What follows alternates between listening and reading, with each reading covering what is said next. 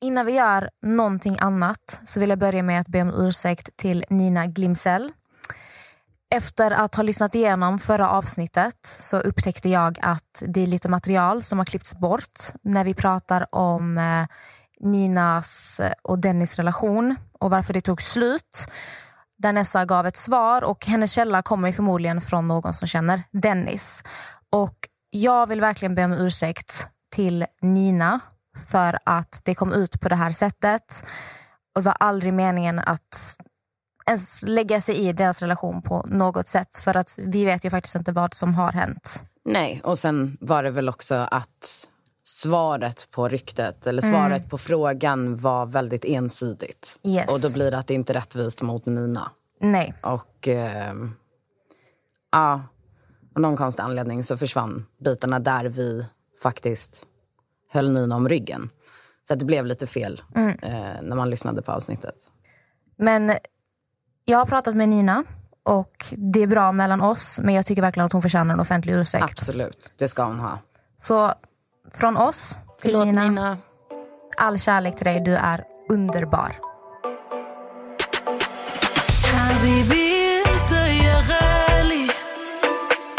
جاي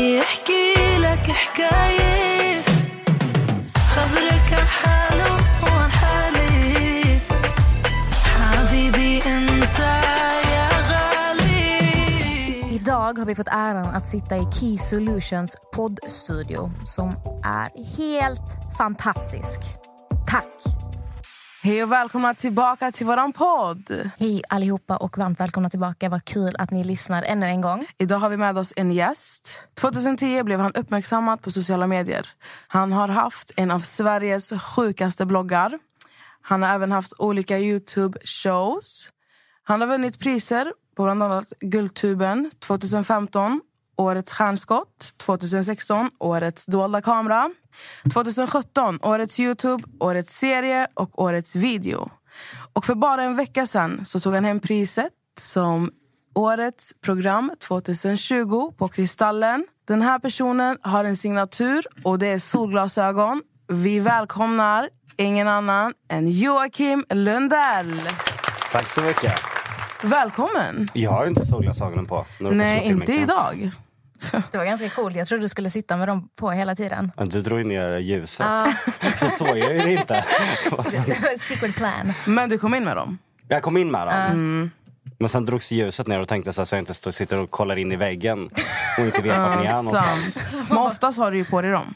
Ja, men jag har inte det lika jobbigt längre. Nej. Men nu är det ju för att jag blivit ljussjuk istället för att jag haft dem så mycket. Jag tål ju typ inte solen. Och jag blev som Dracula istället. Men varför började du använda solglasögon? Mm, svårt med ögonkontakt har jag uh. alltid haft. Man känner sig så här exploaterad och utsatt när någon kollar en i ögonen. Ja. Uh. Tycker också det är så obehagligt ibland. Det känns som de ser sig genom min själ. Ja, men det blir väldigt, så här, väldigt så här nära inpå. Jag är en sån här människa som vill gärna ha en liten barriär runt uh. mig. Men om jag pratar med dig nu, alltså, vad vill du att jag ska kolla? Ska jag kolla i dina ögon? Ska jag kolla bakom dig, på kepsen? Ja, men nu kan du kolla i ögonen för nu uh. har vi ändå pratat om det. Mm. Men det kan hända att jag kollar bort. Och då är det inte mm. dig det är fel på, Nej. så att du vet det. Nej, men det är bra att veta. Amelia, uh. vi har frågor och vi vill ha svar från Joakim idag. Rakt på sak alltså. Det är ju väldigt många frågor som har trillat in för att du sitter här och du är inte okänd direkt om man säger så. Jag är lite nervös. Om det är någon podd som vågar ställa hårda frågor så är det ju ni. Ja, det är sant. Det är många andra saker jag medverkat i där de har sagt att nu ska vi grilla dig. Och sen är det så här frågor som jag skulle kunna svara halvt nyvaken på. Liksom. Men här är ändå lite, det finns lite svettningar. Ja.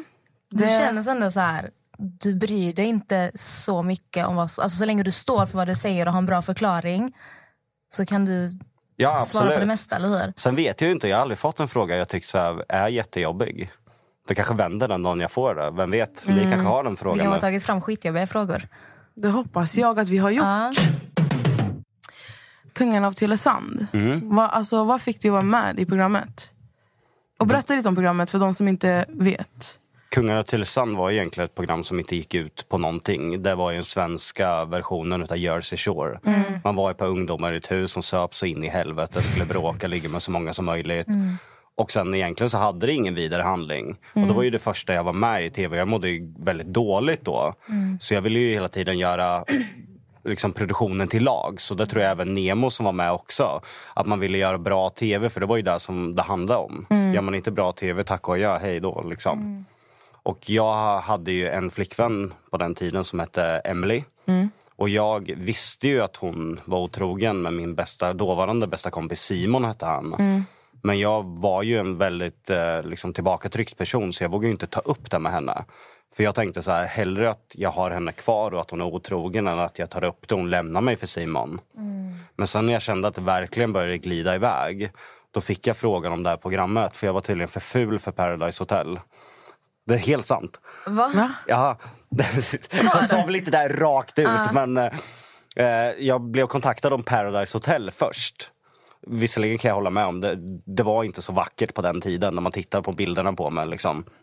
Men eh, då sa de eh, liksom så lite fint så här, nej men vi, vi, vi tror inte riktigt du utseendemässigt eh, passar in i Paradise Hotel. Men vi har ett annat program åt dig. För då produktionsbolaget hette Mastiff som gjorde det här. Och då var det ju slussat till Kungarna Tylösand istället. Och då kommer jag ihåg liksom att eh, fan ska jag vara med i det här så måste jag ju gå all in. Så jag kom ju pisspackad på castingen och spydde ner hela Mastiff-kontoret i Stockholm där som ligger vid Frihamnen där nere. Så det första jag gjorde liksom var hej och så sprang jag in på toan och spydde som en idiot. De bara, han ska vi ha, 100 procent. Men jag såg ju att liksom att man fick uppmärksamhet när man gjorde väldigt extravaganta saker. Ingen hade ju sett mig innan. Det var ju som att jag gick omkring som ett osynligt spöke. Jag bara existerade. Och nu helt plötsligt så fort jag gjorde någonting då fick jag mer sprit. Jag fick saker hela tiden. Folk pratade med mig. Produktionen uppmärksammade mig ju mer galnare grejer jag gjorde. Och då blev det ju som en drog för att alla har väl ett behov av att existera. Man vill ju känna att man är bekräftad och finns. Den värsta känslan måste ju vara att man inte är någon och det finns ingen som bryr sig om en. Och det var ju så jag kände innan så det här vart ju som natt och dag. Och sen ledde ju det här bara vidare att vad ska jag göra nu? Nu har jag ju gjort det här, nu måste jag göra någonting värre, nu måste jag göra någonting värre, nu måste jag göra någonting värre. Och det gjorde ju att det bara stegrade på på bloggen. Liksom först var jag naken, sen räckte inte det. Men då måste jag vara naken med påskfjädrar. Okej, det räckte inte heller. Då måste jag sitta liksom på fönsterbrädan hemma, liksom helt naken och onanera. Det, det liksom bara stegrade. Tills jag kraschade totalt. Ja. Så det var det som hände, det var, det var det som hände efter Kungen av Tylösand. Du, Då kom bloggen. då, då kom bloggen till. Man brukar faktiskt säga att människor är oftast mer hatade än ignorerade. Att alla har som du säger, det här behovet av att få synas. Och då behöver det inte alltid betyda att du måste vara omtyckt. Utan så länge folk ser dig och hör dig så har vi människor oftast, vad jag har läst, jag är ingen expert, det behovet. Jag tror att du är helt, helt rätt i det. Och jag kan ju tala utifrån mina e- erfarenheter. Jag tror att jag mådde ännu sämre av att inte finnas överhuvudtaget. Jag, jag tror det är helt rätt i det faktiskt. Hellre hata än inte att existera. Men hur var det under, alltså, under den tiden du hade bloggen? Och var helt öppen, nakenbilder. Du var ju väldigt öppen med mycket. Bland annat att du hade missbruk med droger. Ja, Jag kom ut med det i slutet av bloggen tror jag. Jag hade ett liksom, starkt missbruk under hela bloggen. Och det tror jag väl var en del att jag aldrig reflekterade i vad jag gjorde. För jag är ingen person som är gränslös egentligen. Absolut ingen som liksom, ställer mig naken. Men jag blev ju mer och mer en karaktär. Och de människor brydde sig bara om karaktären. Det var ingen som brydde sig om mig som person bakom den karaktären. Så jag glömde egentligen bort min personlighet. Men hur mådde du under den tiden? Alltså tiden du hade bloggen? Jag mådde ju fruktansvärt dåligt och jag övervägde. Jag hade ju huvudet hela tiden. Jag kör på så länge det går och går det inte så tar jag livet av mig. På den tiden var jag ju inte rädd för döden. Det är jag idag för nu har jag någonting att förlora. Nu har jag familj, barn, karriär, fina vänner. Liksom en bra krets runt mig. Men på den tiden så fanns det ingenting. Nej. Så jag hade väl accepterat att jag inte skulle leva så länge. Och det, var, det låter hemskt att säga men det var på något sätt en befrielse att, att inte bry sig om man dör. På något sätt var det det, att inte vara rädd för döden. Så jag hade ju ett antal självmordsförsök som kanske inte var helhjärtade. För jag tror någonstans att vill man ta livet av sig, då gör man det. Sen finns det olika procentskalor. Vill du ta 50% livet av det, då kanske inte blir så hjärte helhjärtat. Men jag kanske låg på 80 procent så jag drog ändå i mig tabletter och blev magpumpad. Men någonstans så visste jag att hade jag tagit fem till så hade jag förmodligen stendött. Men någonstans i mig så kanske det inte var helhjärtat. Då var det inte fem tabletter till. Nej. Mm. Så någonstans inom mig så ville jag väl leva. Det här du säger med att du är inte en gränslös person. För jag, jag gick i nian när det här sändes. Så uppenbarligen kollade jag ju på varenda avsnitt och vi snackade om det i skolan. Men jag har ett minne av att jag uppfattade, alltså i början så uppfattade jag dig som väldigt snäll. Att du var väldigt lojal mot den här tjejen som du var tillsammans med. Och jag hade en väldigt bra bild av dig. Det var snarare Nemo som jag upplevde var mer så här hysterisk. Men när, när du berättar om det här så kan jag verkligen tänka tillbaka på att min uppfattning så som jag mindes dig därifrån var ändå att jag såg alltså, bra sidor hos dig och sen kom allt det här andra. Det tror jag är väldigt bra uppfattat. För jag tror att det stegrade i programmet. För jag är i grunden en extremt blyg människa.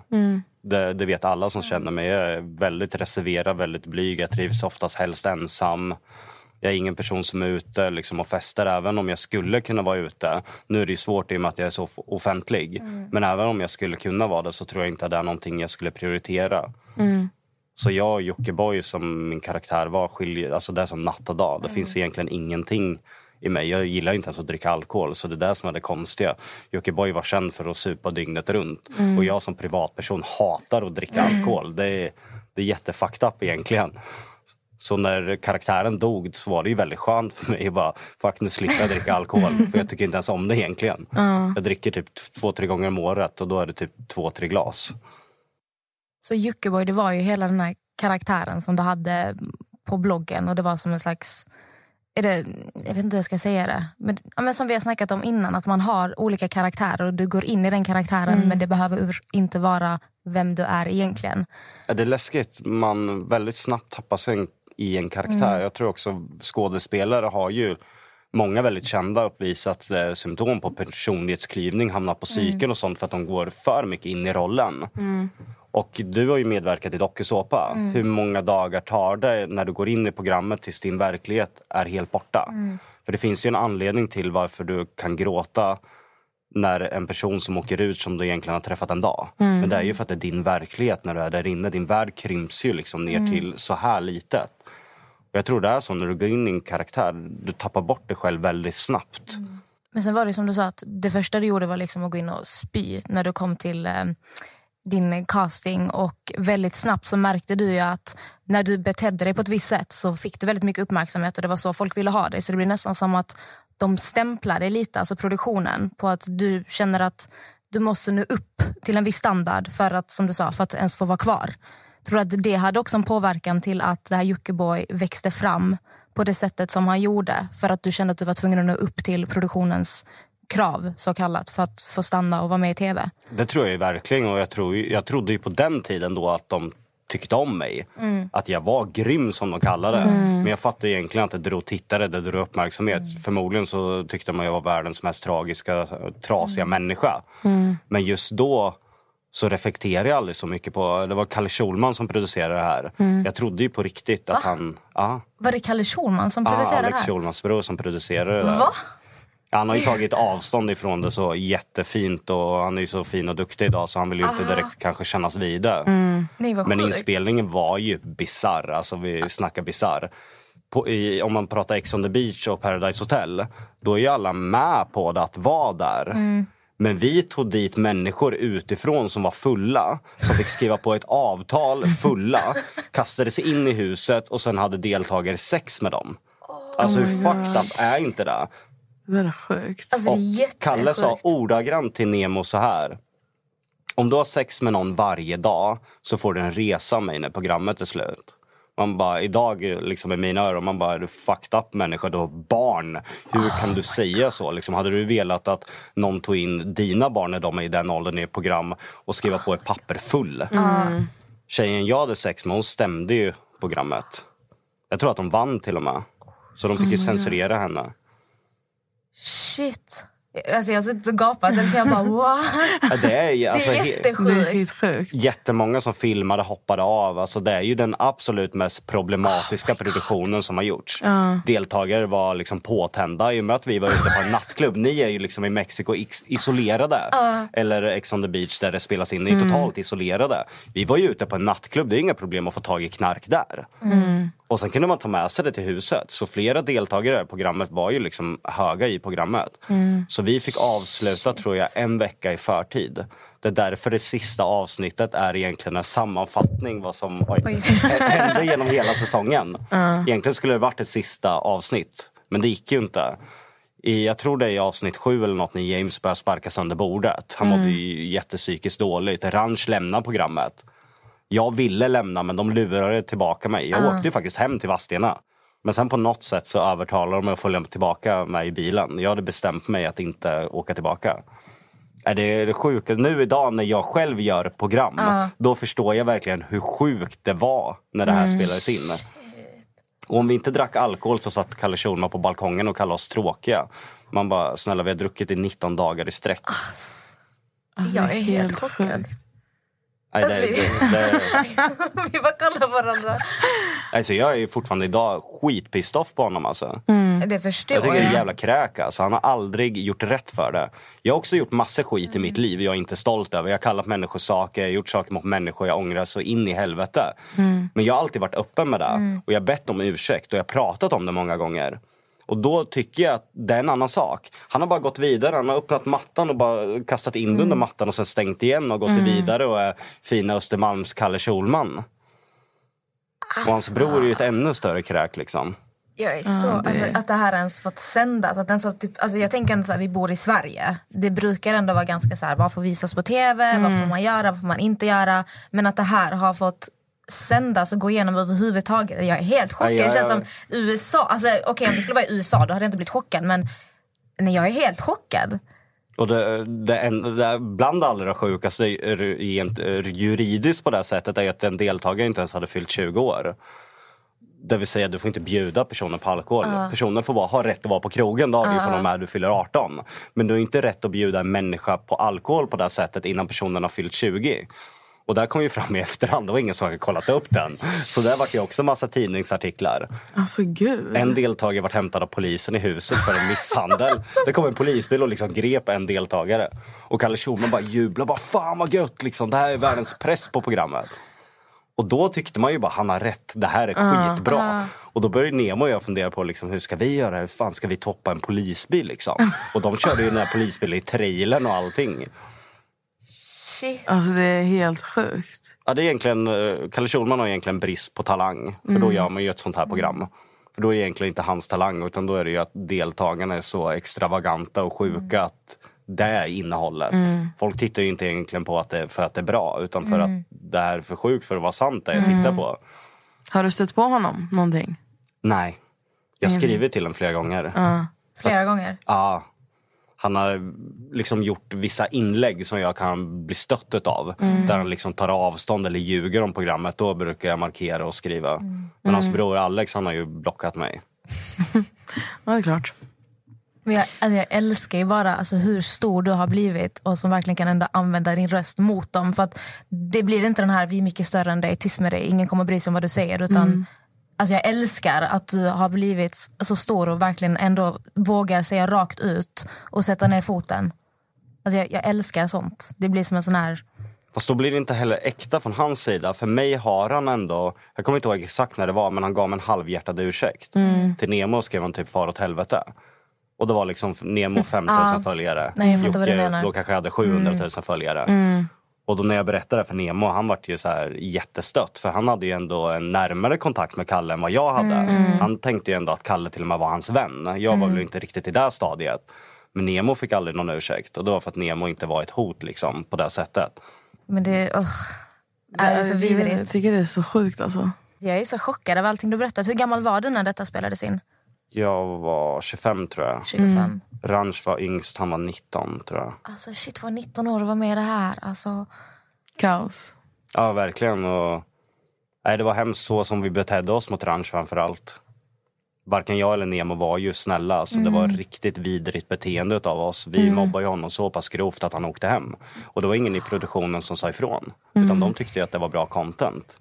Ja men fasen var, var bra att en deltagare lämnar mitt i säsongen. Det blir världens dramatik.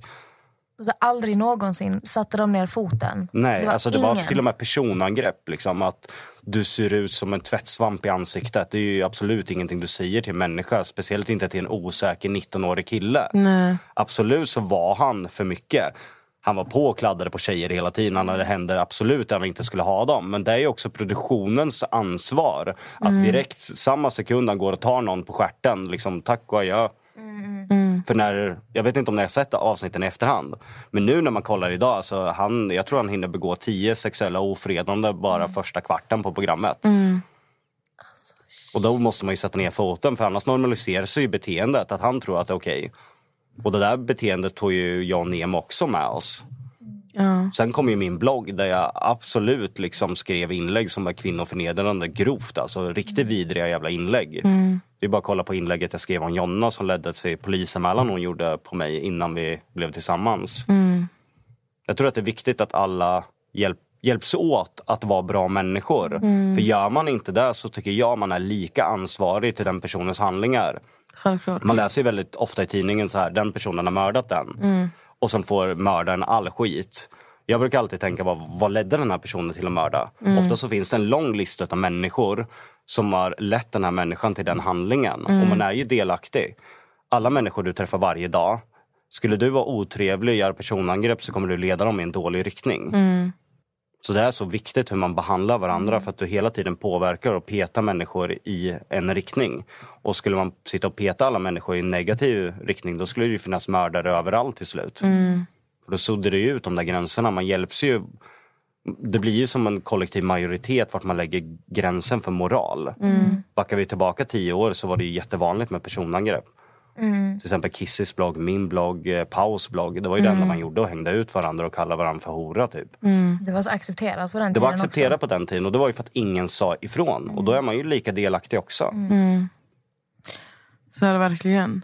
Det är verkligen som du säger, alltså, samhället formar ju oss som människor. Man kan ju oftast titta på en människa och gå tillbaka. När var det det här började ske? Vad fick den här personen att göra det här? Och Det kan man ju ofta spåra långt tillbaka, alltså till skolgång eller vad som helst. Så det är oftast för att... Ja, barndom, skolgång, det är oftast Exakt. där man hittar mönstret. Där, varför personen beter sig som ett visst sätt. Ja, det är, jag, är helt, jag är fortfarande helt chockad.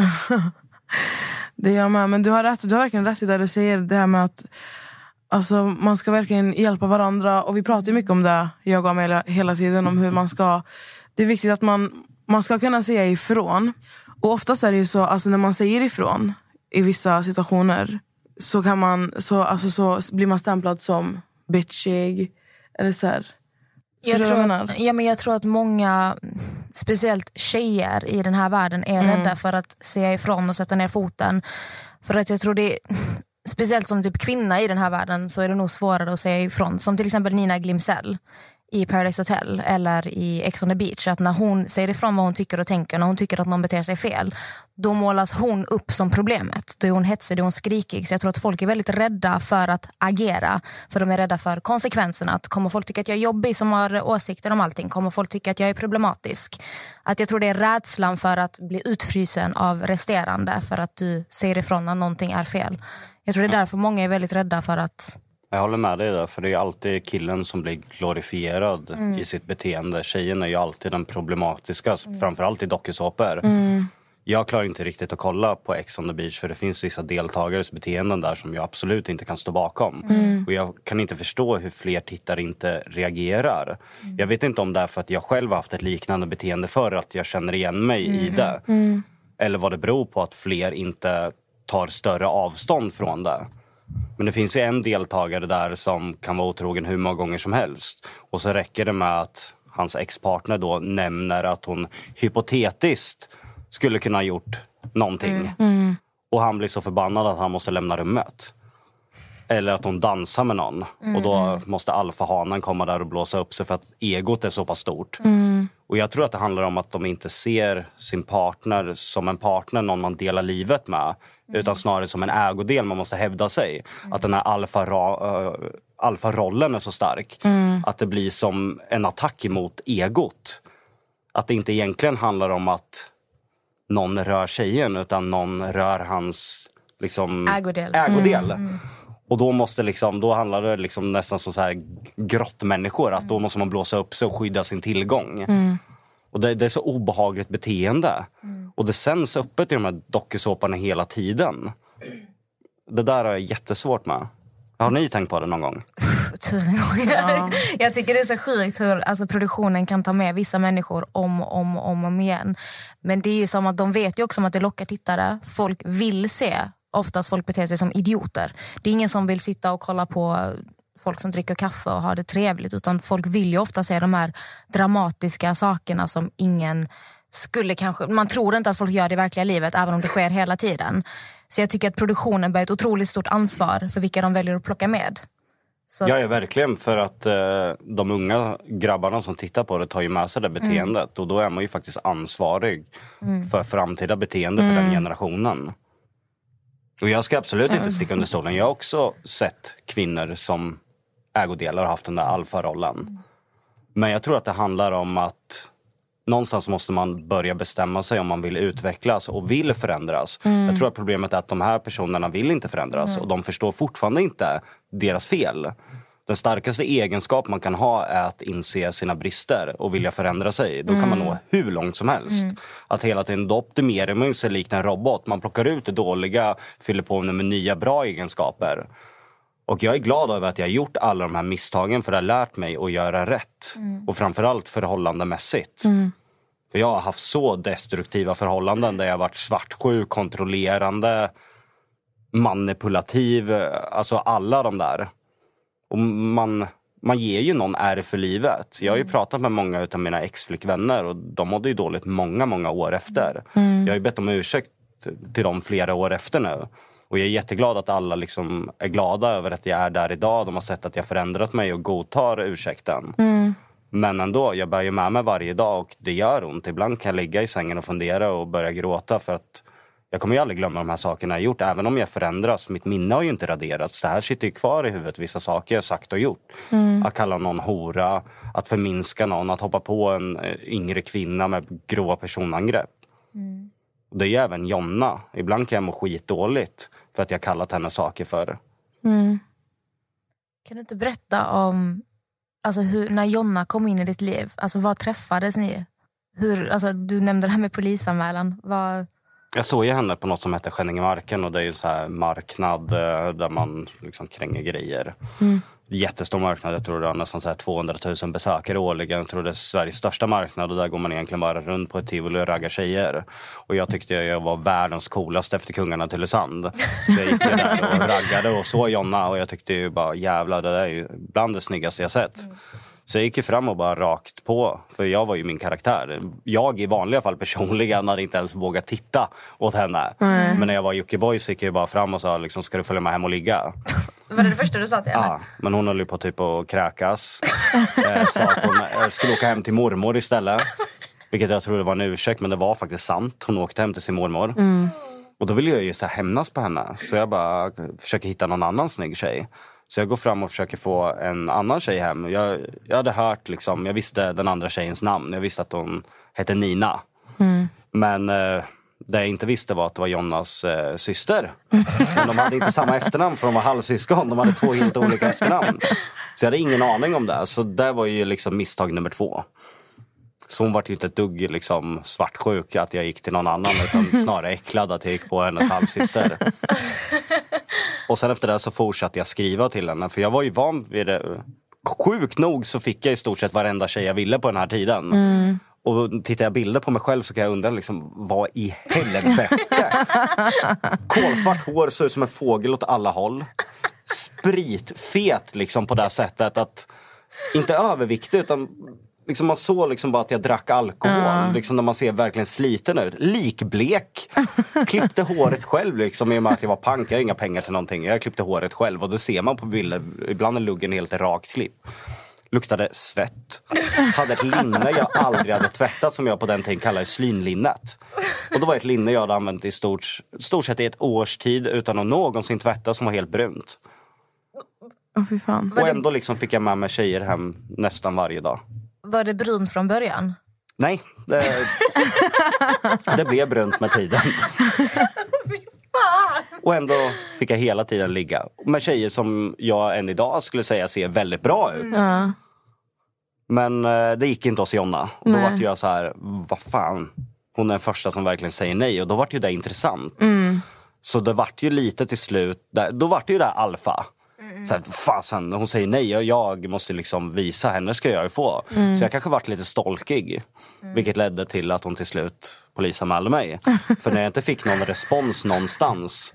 Då tänkte jag så här, men om jag hänger ut henne på bloggen. Då kommer jag ju få en respons. Så jag sa att vi hade haft sex på bloggen inför, jag hade då kanske 400 000 läsare i veckan. Så hon bodde ju i Mjölby vilket är ett ställe med 25 000. Så det nådde ju ut på en dag där hela liksom, samhället trodde att hon hade legat med mig. Så hon gjorde en polisanmälan som eh, lades ner. Och då vart ju hon förbannad när det lades ner. Så någonstans där fick vi väl kontakt med varandra. Så det var efter Sen mådde hon dåligt och på något sätt skrev om det. Och det är, jag är väldigt bra på att lyssna. Och det har jag alltid varit. Och det har John alltid sagt, vad är min starkaste egenskap? Att jag är väldigt så här, förstående. Så jag började liksom lyssna på henne. Och då blev ju jag någon slags trygghet och sen fortsatte vi prata. Men sen när hon blev kär i mig, eh, då åkte jag till Gran Canaria och hade sex med massor människor. Så vi kunde bestämma liksom att eh, ja, men, vi har en dejt idag, du kommer till mig och då kommer det upp en tjej i täcket liksom. Och, ja men jag ska gå nu. Oh my god. Nej, Jag var riktigt jävla grisig alltså. Men hur, hur utvecklades er relation sen? Ett poddtips från Podplay. I podden Något Kaiko garanterar östgötarna Brutti och jag, Davva, dig en stor dos skratt. Där följer jag pladask för köttätandet igen. Man är lite som en jävla vampyr. Man har fått lite blodsmak och då måste man ha mer. Udda spaningar, fängslande anekdoter och en och annan arg rant. Jag måste ha mitt kaffe på morgonen för annars är jag ingen trevlig människa. Då är du ingen trevlig människa, punkt. Något Kaiko, hör du på Podplay. Därför är gardinerna. Då? Jag tror att vi utvecklade varann väldigt mycket. Jag tror vi var extremt o- två omogna människor båda två. För Jonna var inte heller riktigt mogen för sin ålder på grund av hennes uppväxt och relationer och allting. Men jag tror att det var någonting... För första gången tror jag att hur destruktivt den var, vi bodde hemma, hemma hos hennes mamma i en fallfärdig lägenhet med en jävla massa hundar. Men på något sätt så var det det närmsta vi alla hade kommit en familj tror jag. Och vi började laga mat ihop. Det var liksom höjdpunkten på dagen. Så på ett sätt kan jag idag tycka att vissa stunder var till, nästan till och med bättre då. På grund av att det vart så här, verkligen... Idag tar du bara för givet att det står mat på bordet. På den tiden var det dagens höjdpunkt att tillsammans få laga mat. Så någonstans där så börjar vi uppskatta det här och utveckla varann, lära sig, mogna. Och sen vart det liksom i olika faser. Idag har vi ju svårt att se oss själva att vi har varit de där människorna, någon av oss. För när jag ser Jonna idag, hon är ju världens mest mogna mamma. Jag är ju den fortfarande lite sväviga av oss. jag kan... Ja men hon är mer strukturerad. Jag är mer kreativ och hon är mer strukturerad vilket är ett bra team. Men jag kan ju aldrig förstå att Jonna är någon som typ inte ens gick ut grundskolan. Som skolkade, som slogs och grejer. Det kan jag aldrig förstå när jag tittar på henne idag. Men det är ju verkligen det att vilka du har runt dig, om människor tror på dig. Det är ju det som gör vilken människa du, du blir. Så vill du påstå att så här, din förändring, kan du säga att det är mycket tack vare Jonna? I stort sett 100 procent. Jag tror inte den där vändningen hade kommit annars. Nej. Jag tror inte att om, om Jonna inte hade tagit emot mig att jag fick bo hos hennes mamma då tror jag att jag hade varit död idag till 100 procent. Det tror jag. Så jag, jag kommer alltid vara henne evigt tacksam. Och Oavsett om vi skulle göra slut i framtiden eller gå isär så tror jag alltid vi kommer vara bästa vänner genom hela livet. Oavsett vad som händer. Vi har för mycket respekt emot varandra. Vi har delat för mycket. Så oavsett om nu känslorna skulle dö om några år eller om 10 år eller om 20 år så tror jag aldrig att relationen skulle dö för att den är för stark. Fint. Alltså jag älskar er historia. Ja, det, är Alltså, jag galen, det är en älskar galen historia. Det är helt sjukt. Börja med en polisanmälan. Jag älskar hur du var så här van vid att alla tjejer alltså, ville ha det och du fick ligga med vem du ville. Och där kom hon och bara typ, vem fan tror du att du är? Polisanmäler i allting. Alltså, jag Mm. älskar ju hennes reaktion också. Alltså, det, er historia är nog något av det bästa jag har hört. Alltså så här, kärleks... Ja, den är väldigt flippad alltså. Alltså den är helt galen men det är helt underbart. Men det är fint också hur ni har format varandra och verkligen, med tanke på att du har varit offentlig så har man ju verkligen sett en förändring. Det är det som är så fint. Och det, alltså, kärleken övervinner allt. Om hur du vårdar relationer. Jag tror att många tar för givet att kärleken ska, och attraktionen ska göra att man håller för alltid. Det, är, det är det inget tecken på. Det är egentligen den svagaste byggda relationen. Den starka relationen är att du i grunden är egentligen bästa vänner. Och att du litar på varandra, skulle lägga liksom ditt liv i, i den andras händer. Inte att du får stånd på morgonen när du ser din partner eller att du känner dig kär. För där, det kommer någonstans med vägen mattas ner. Du kommer inte vara nykär hela livet så du behöver någonting starkare. Och precis som en bil behöver service så behöver man vårda sitt förhållande. Man behöver liksom sätta upp en struktur. Så jag och Jonna har ju som regel att skulle vi börja bråka Kallar man varandra någonting dumt då, då är det liksom break. Då pratar vi inte längre. Då får man gå till varsitt rum tills man kan diskutera. För man får aldrig gå över gränsen. Vi har till och med gränsen, man kallar inte ens varandra idiot. Så mycket vi har delat. Vi tycker inte att varandra är idioter så man behöver inte kalla varandra. Då är det bättre att jag går ut på trädgården och skriker att hon är en idiot när hon inte hör det. Och sen går tillbaka och skärper mig. Men att kalla varandra saker har vi som regel, det gör man inte. Inga personangrepp, inga påhopp, inga förminskningar, inget sånt. Utan då pratar man när man inte är i affekt. Det vill säga att känslorna inte är... Det är livsfarligt att prata när du är känslosam. För då är du ju varken logisk eller har bra tänk i att kunna ta beslut. Utan då beslutar du utifrån hur du känner för tillfället. Har du något bra tips till alla unga som har förhållanden? och De flesta som skriver till mig till exempel med, om problem. Det är mycket om de litar inte på deras partner. De kollar varandras telefon hela tiden. Och, Um, ja, då, då är du ute på hal is. Jag, jag, jag kan ju utgå ifrån mig själv. För det här är någonting jag lärt mig ifrån mig själv. Ju hårdare du håller någonting, ju lättare går det sönder. Och samma sekund du är rädd för att förlora någonting, då kommer du ändra ditt beteende. För att du hela tiden går och tänker på att du kan förlora den här personen. Jag tänker aldrig på att Jonna kan lämna mig. För händer det så händer det. Jag kommer aldrig kunna påverka det. Det jag kan göra genom att börja gå och tänka på att hon ska lämna mig, det är att påverka att det kommer hända. För då kommer jag hålla henne hårdare och hårdare och hårdare. Då kommer jag utveckla svartsjuka och sen kommer vi till det du berättade, att börja kolla telefoner och sånt. För det handlar egentligen det handlar inte om osäkerheten på partnern, utan det är ens egen osäkerhet varför man kollar någon annans mobil. Och ens eget ego, att man behöver kontroll över personen. Så ju hårdare du håller personen, ju lättare kommer förhållandet gå sönder. Du måste egentligen bara slappna av och acceptera att min partner kan lämna mig. Känslorna kan dö. Det enda man kan göra är att försöka vara sin bästa version av sig själv. För händer det då, vi säger att Jonna tappar känslor för mig, då vet jag i alla fall att jag har gjort allt jag kan i relationen. Och känslor kan dö. Hon är inget svin för att hon skulle tappa känslor för mig. För att känslor, man kan inte styra det. Känslor liksom, det kommer. Man vet inte vart det kommer ifrån. Det är bara någonting man känner. Det, det, relationer är svårt alltså. Det gäller hela tiden att tänka, rannsaka sig själv och vara kritisk mot sig själv och vårda relationen. Och absolut inte låta känslorna ta över hela tiden för då kommer man göra korkade grejer. ni har ju ett öppet förhållande. För ni är gifta, eller hur? Mm, vi är gifta. Och ni har ett öppet förhållande. Jag skulle väl inte kalla det öppet förhållande på det sättet. För ett öppet förhållande är ju mer att det händer hela tiden. Men vi har ju mer att känner vi någonting så säger vi det till varandra och sen pratar vi om det.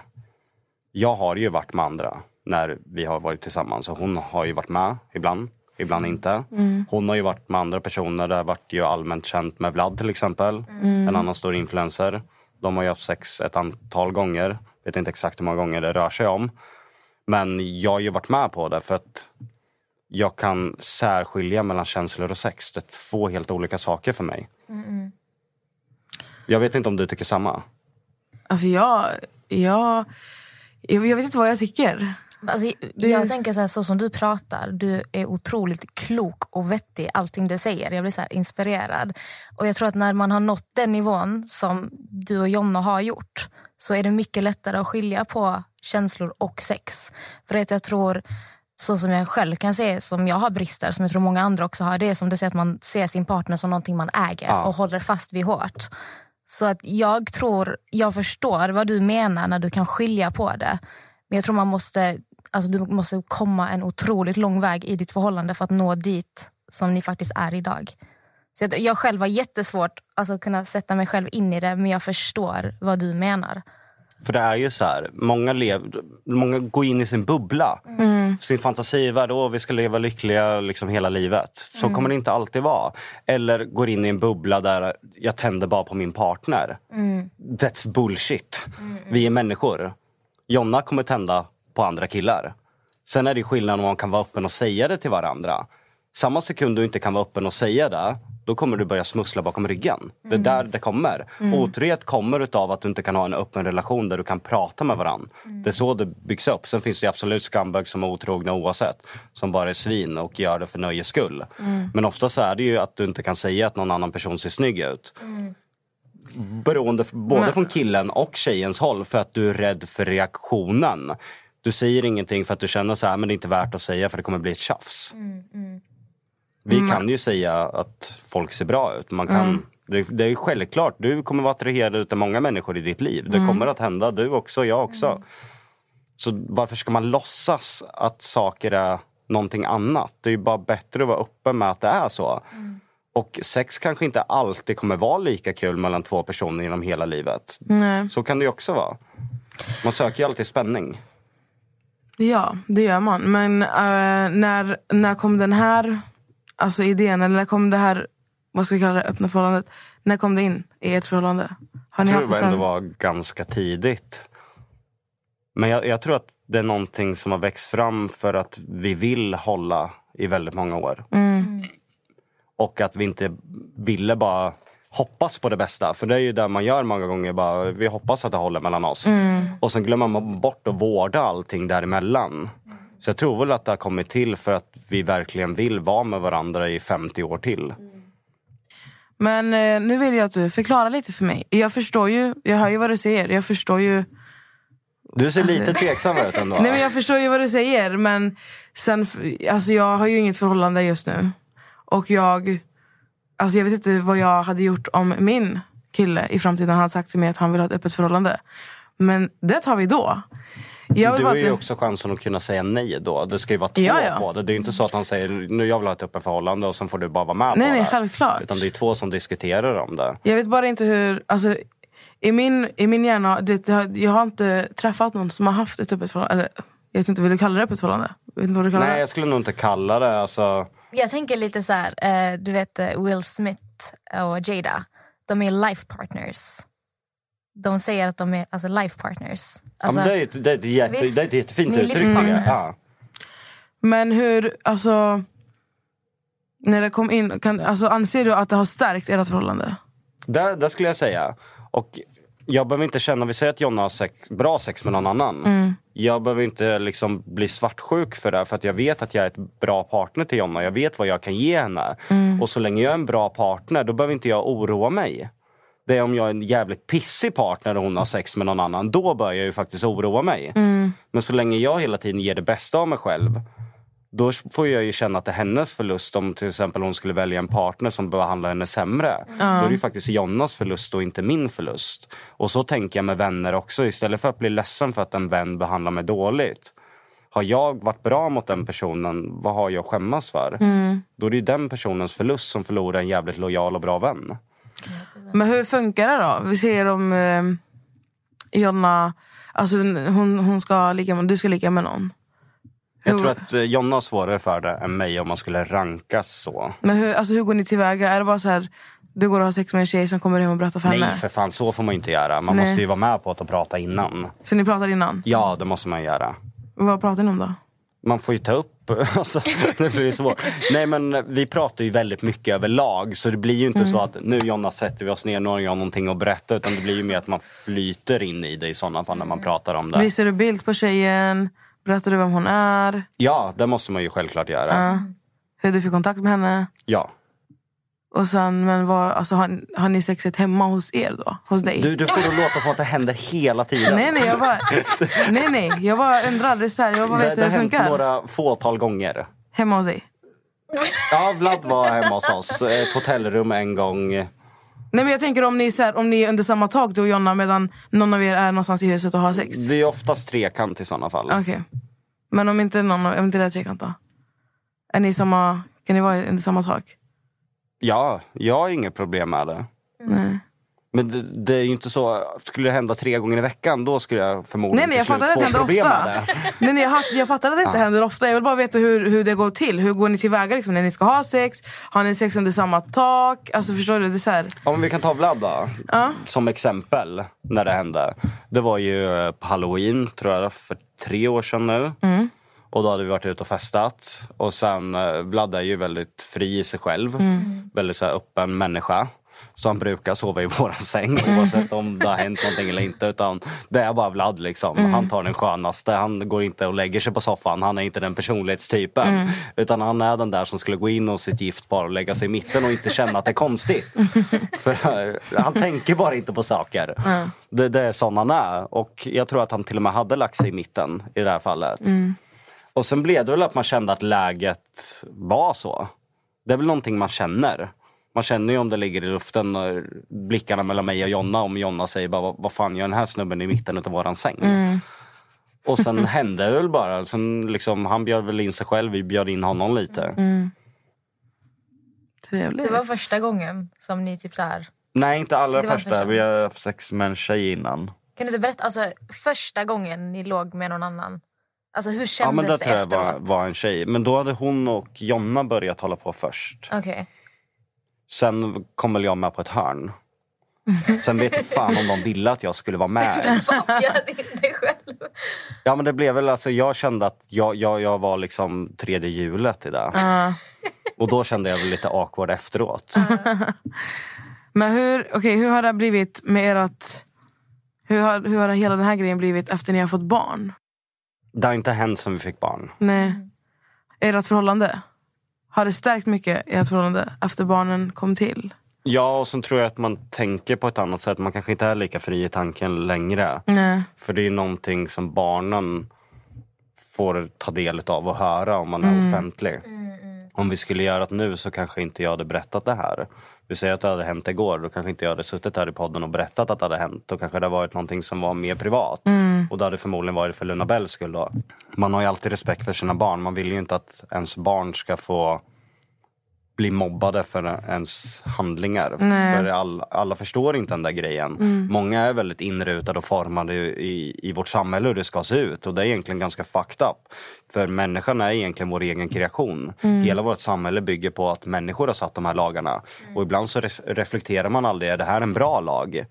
Utan man bara, till exempel, jag har vissa vänner som aldrig skulle umgås med någon som röker weed. Aldrig någonsin. För det är knark, då är man dum i huvudet. Men den kompisen super fyra dagar i veckan. Ibland hamnar i fyllecell, slåss på fyllan och grejer. Och då blir jag så här, why? Ja men det är ju lagligt. Ja okej.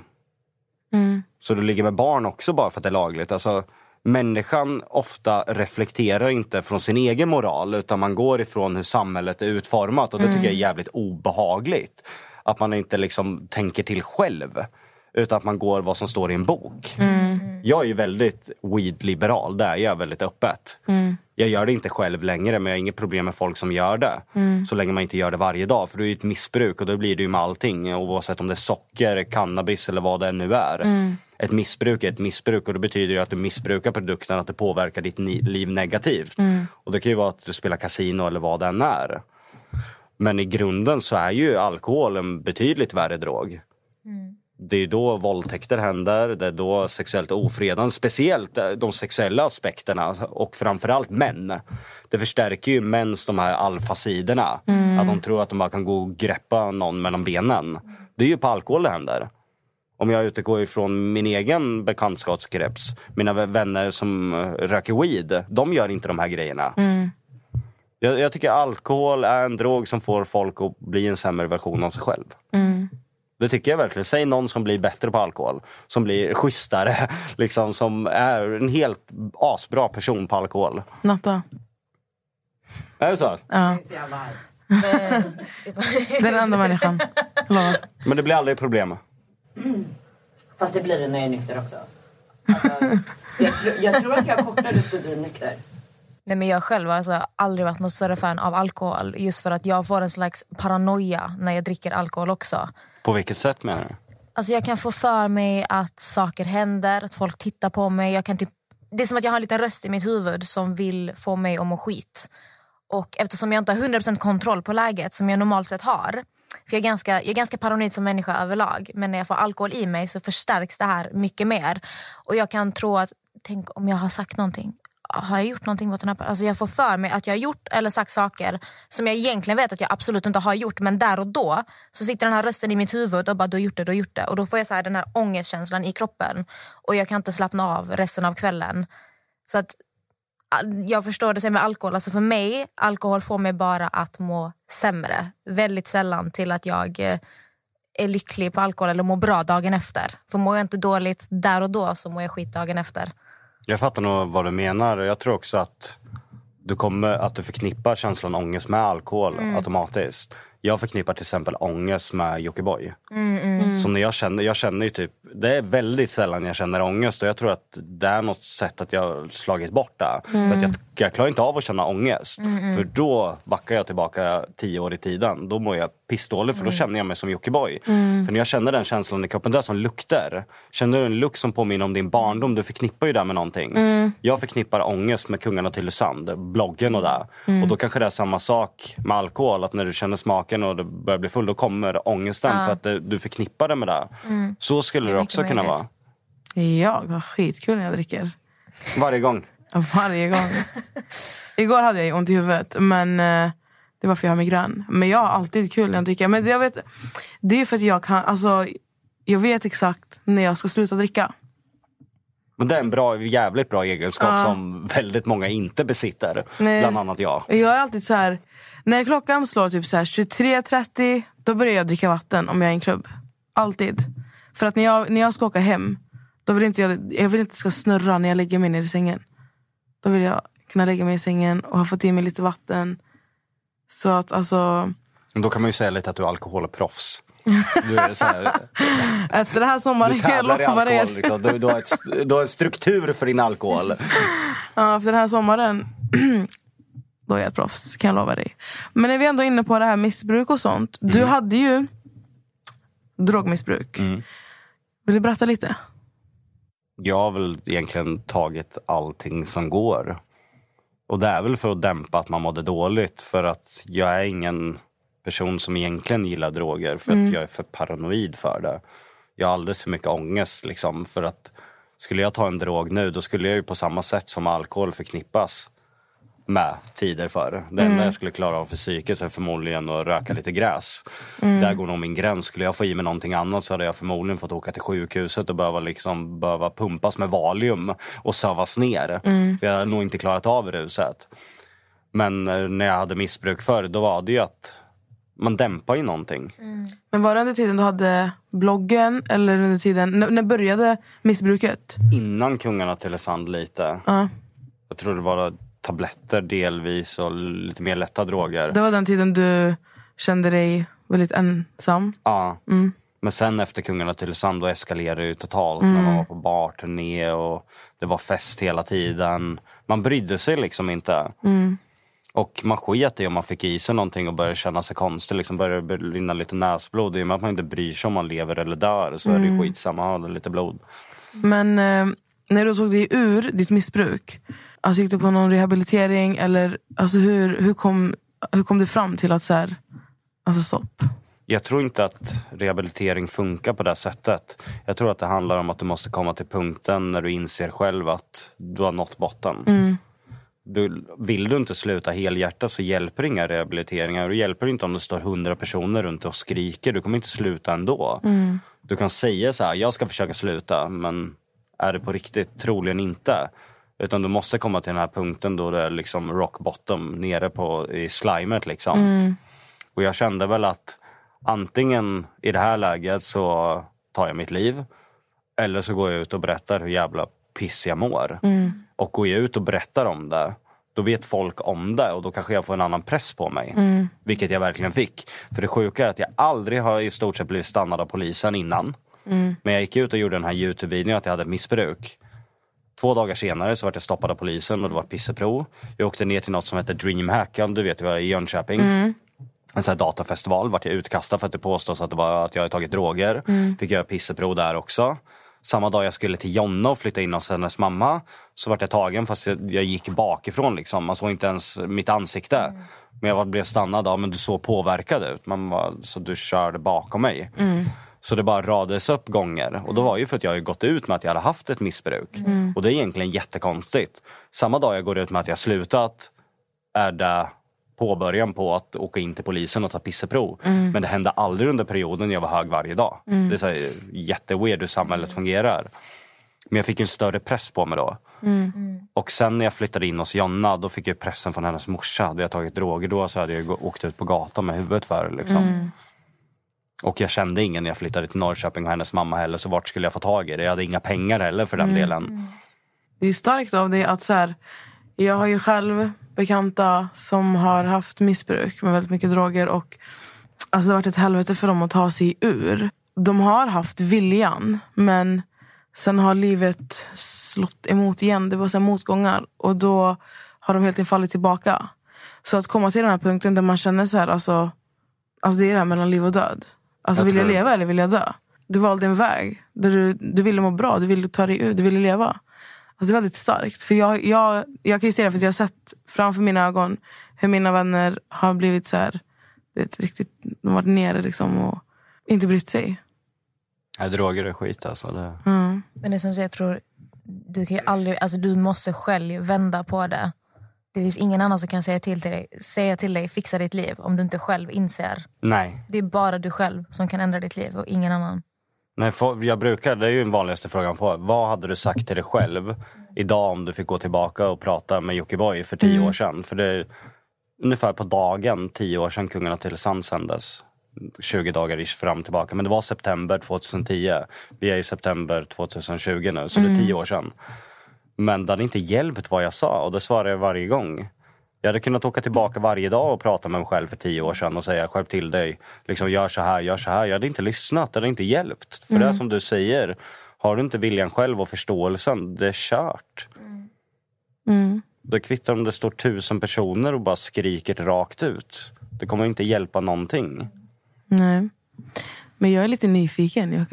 Joakim. Dina tatueringar, Mm. De här som du har täckt för. De. Då står det alltså I love hose och I love vodka. Ja. När gjorde du dem? Den här var först tror jag. Och den gjorde jag när jag hade bloggen. Och då kände jag, vad ska jag göra som väcker uppmärksamhet? Och då blev det ju den här tatueringen. Och, I love hoes. ja, och det konstiga var att den hyllades. Det är helt stört. Sjukt. Och att det bara var åtta år sedan där kanske. Nio max. För det här kanske var något ett och ett halvt, två år sedan efter Kungarna till Sand. Och det står egentligen att jag gillar prostituerade. Och det är helt stört. Det är liksom inte friskt. Nej. Hello. Och att människor för åtta år sedan hyllade den här tatueringen och tyckte det var världens coolaste tatuering. Ja, det är lite sjukt. För jag fick aldrig någon skit för tatueringen. Nej. Kvinnor till och med hyllade tatueringen. Va? Det säger ganska mycket hur samhället såg ut för bara kanske åtta år sedan. Ja. Jag tror jag minns när du tatuerade för dem, för det var Andreas Ishak, Ja, eller hur? jag tror det var Andreas som Ja, gjorde det. Jag tror jag, att jag minns att han la ut den där bilden. Att han hade tatuerat som ett streck över. Ja. Som ett, jag vet inte om det var för dig att visa att för dig själv också att den där tiden är borta. Många har ju frågat varför jag inte helt täcker över dem för man kan ju fortfarande läsa. Men det är ju fortfarande en del av mig. Jag vill ju påminna mig själv vart jag varit för det är viktigt. Jag får aldrig glömma att jag betett mig illa mot människor. Jag får aldrig glömma att jag varit en dålig människa. Och jag får aldrig glömma hela min uppväxt och allt det där. För det är en del utav mig. Så länge, och hålla mig på jorden framför allt. Hur bra den går för mig. Jag får aldrig sväva iväg. Jag får aldrig bli någon jag inte vill att människor skulle på det sättet och behandla mig. Att alltid behandla människor bra. Att inte, för idag är det ju väldigt mycket den sociala statusen. Man kollar på vem som har mest följare, vem man kan umgås med, vem, vem man har mest gynning av att umgås med också. Det är ju en störd värld det här med sociala medier. Och att du idag oftast bryr dig mer om vad människor du inte känner tycker. För det är ju oftast de du integrerar. När ni kollar kommentarer, det är ju inte oftast era vänner ni letar efter utan det är ju feedbacken från människor som är själva publiken. Och det är ju ändå, det är ganska fucked up. Det är det verkligen. Men jag tycker du verkar vara otroligt alltså, genuin och humble. Men det är nog för att jag har varit tvärtom. Och jag har ju sett vad, vart det tog mig. Och jag har sett vart det tog mig att förändra mig. Jag försöker varje kväll när jag lägger mig liksom gå igenom dagen. Liksom, gjorde jag någonting dåligt? Sa jag någonting som var fel? Jag försöker hela tiden ransaka mitt egna beteende. För man, blir, man utgår ju från sina egna känslor och det är ju det där med affekt. När du bråkar med en kompis, då är det ju kompisen fel oftast varje gång. För att du känner ju bara dina egna känslor. Då är det svårt att se en utifrån någon annans ögon. Jag försöker att, jag, jag är ju i grunden en känslomänniska i och med att jag har Asperger och ADD. Men jag har lärt mig att kontrollera det. För de här känslorna sätter mig bara i massa jävla dramaskit hela tiden. För att jag inte tänker logiskt utan bara utgår ifrån mina känslor. Så idag försöker jag alltid bara tänka bort känslorna. Se det från andra perspektiv och sånt. Och då kan jag lättare liksom, när jag gör någonting fel, för det gör ju alla, det, man är ju mänsklig. Jag gör fortfarande massa fel varje dag. Men då kan jag väldigt snabbt be om ursäkt till den personen. Till exempel om jag skriker på Daniel när jag är stressad på någonting fast han inte har gjort mig någonting.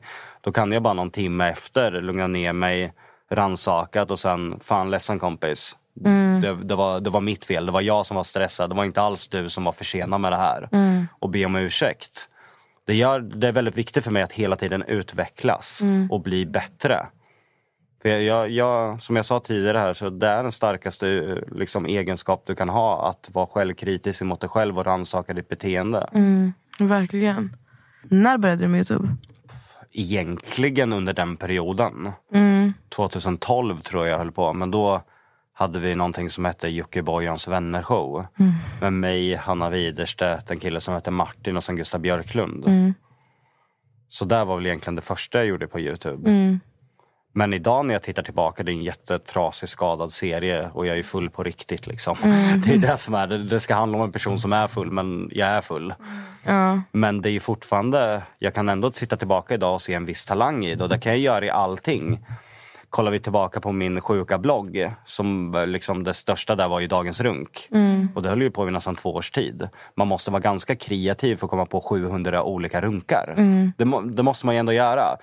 Så jag inser ju idag att talangen fanns ju redan där. Det var att den användes på helt jävla fel destruktiva sätt. Likadant Jockiboijans vännershow. Det är en jävligt rolig serie. Som 2012 utav en alkoholist, för det får man väl kalla det. Alkoholist och missbrukare. Det vill säga ja, att jag gjorde den serien då, det är ändå ganska bra jobbat.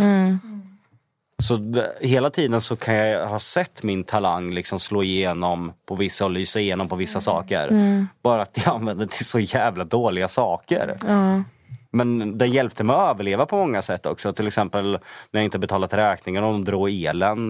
När jag inte betalat hyra och sånt så var jag väldigt så här fiffig med att dra in sladdar genom brevlådan och koppla ihop elsladdar för att ha el hemma. Så det är ju egentligen min kreativitet som har räddat mitt liv. Att jag är fruktansvärt snabbtänkt och kreativ. Sen är det ju också vad man använder liksom det till. Om det är till liksom destruction eller om det är till att göra någonting bra. Det är ju ens eget val. Det är otroligt bra att du ändå hittade vägen via din talang till alltså hela resan som du har gjort med Youtube. Du är ju idag, alltså, kan man säga att ni är Sveriges största Youtubers? Eller du är typ delad med Therese Lindgren? Visningsmässigt så har vi nog betydligt mer. Prenumeranter så har Therese mer. Men jag skulle säga att vi båda tillhör väl att de absolut största youtubersarna. Och både Therese och jag skulle jag anse är extremt duktiga på innehåll. Och nu kör du mycket tv-program. Alltså Ja, både- jag, vill, jag vill ju ta liksom, jag kommer nog fortfarande alltid vilja göra Youtube för att det är väldigt direkt till publiken och jag gillar den plattformen på det sättet att det, publiken kan säga vad de tycker, man kan snabbt ändra. Man, kan, man får en väldigt tät kontakt med publiken. TV är ju lite längre ifrån, du gör programmet och sen så ett par månader senare, publiken har inte lika stor påverkan. jag vill ju fortfarande göra Youtube men jag vill ju gå vidare. Jag vill ju göra långfilm i Hollywood, det är ju mitt mål. Och för mig så finns det ingenting annat. Det är inte om jag ska nå dit. Det är att jag ska nå dit. Frågan är när. Jag är ju väldigt så analytisk. Jag ser ju redan tio år framåt hur jag ska ta mig dit. Vilka olika vägar det finns. Jag tänker ju förbannat mycket. Mitt, mitt huvud är ju liksom i 300 kilometer i timmen hela tiden. Till och med när jag sover, när jag drömmer så är det oftast idéer att jag vaknar. "Ah." Jag tänker lite, du hörde talas om The Secret? Nej. The Secret handlar mycket om att det du tänker, den energin du sätter ut i världen är vad du kommer att attrahera till dig själv. Och Det handlar mycket om att du ska kunna se saker framför dig. Det är en bok. Så kommer du attrahera, alltså universum kommer ge dig det du ser framför dig. Ja, det, är en väldigt bok. intressant faktiskt. Så Du det- borde faktiskt kolla upp det där, det heter The Secret. För är det tankesättet du beskriver är exakt vad den här boken pratar om. Och att det är liksom the secret key of success, om man ska säga så. Så du borde verkligen kolla upp den där faktiskt. Det där ska jag absolut göra. Det- Jag tycker sånt är jätteintressant att, att läsa om och just energin man omger sig Det av. finns en film, eller så dokumentär om det också som är otroligt bra. Dokumentärer älskar jag att titta på. Så The Secret, du, måste, du kommer tacka mig sen. För det säger ju min omgivning, om jag har en dålig dag så kommer alla runt omkring mig också ha en dålig dag Yes. för att jag har så extremt stark energi.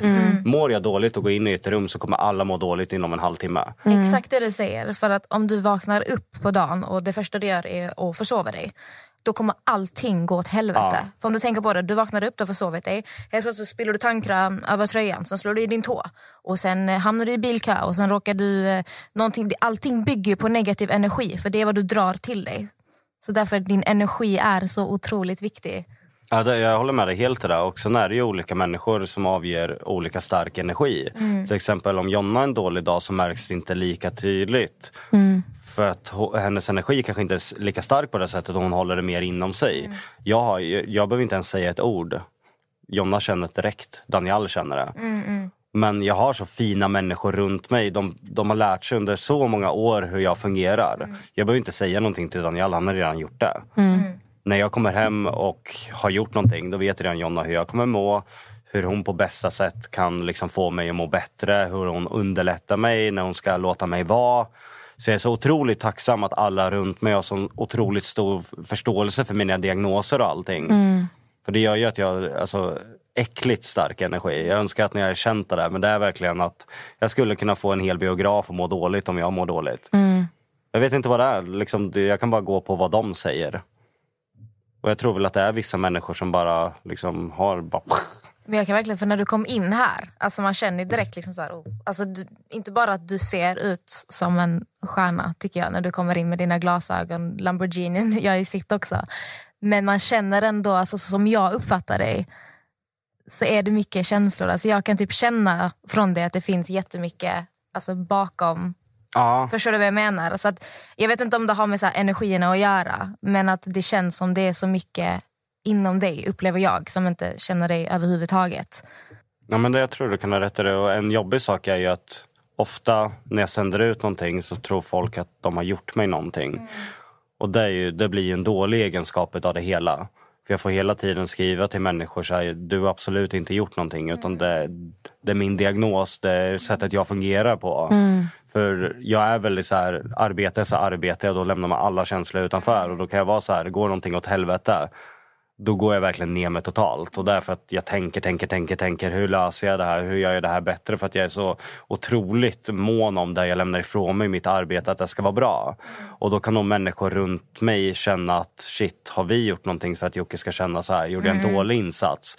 Men det handlar egentligen grunden om att jag själv är perfektionist och ställer så otroligt höga krav på mig själv i allting jag gör.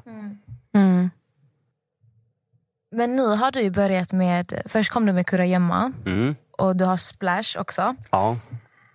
Alltså vad är det riktigt? Alltså, det känns som en slags serie som finns på Youtube som du gör, eller hur? Som en, ja, men, istället för att kolla på tv eller Netflix så kollar man på Youtube, eller hur? Ja, nu kommer jag få lite dålig energi när du pratar om Splash för det är någonting jag mår dåligt för. Uh, förlåt. Det blev, för det blev inte som jag hade tänkt mig. Nej.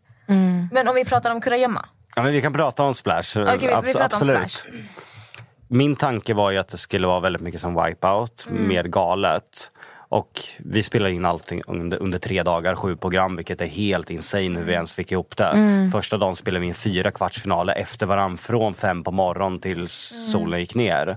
Och när den här banan blåstes upp och allting var färdigt, då insåg jag att det här kräver ju i stort sett bara fysik och kondition.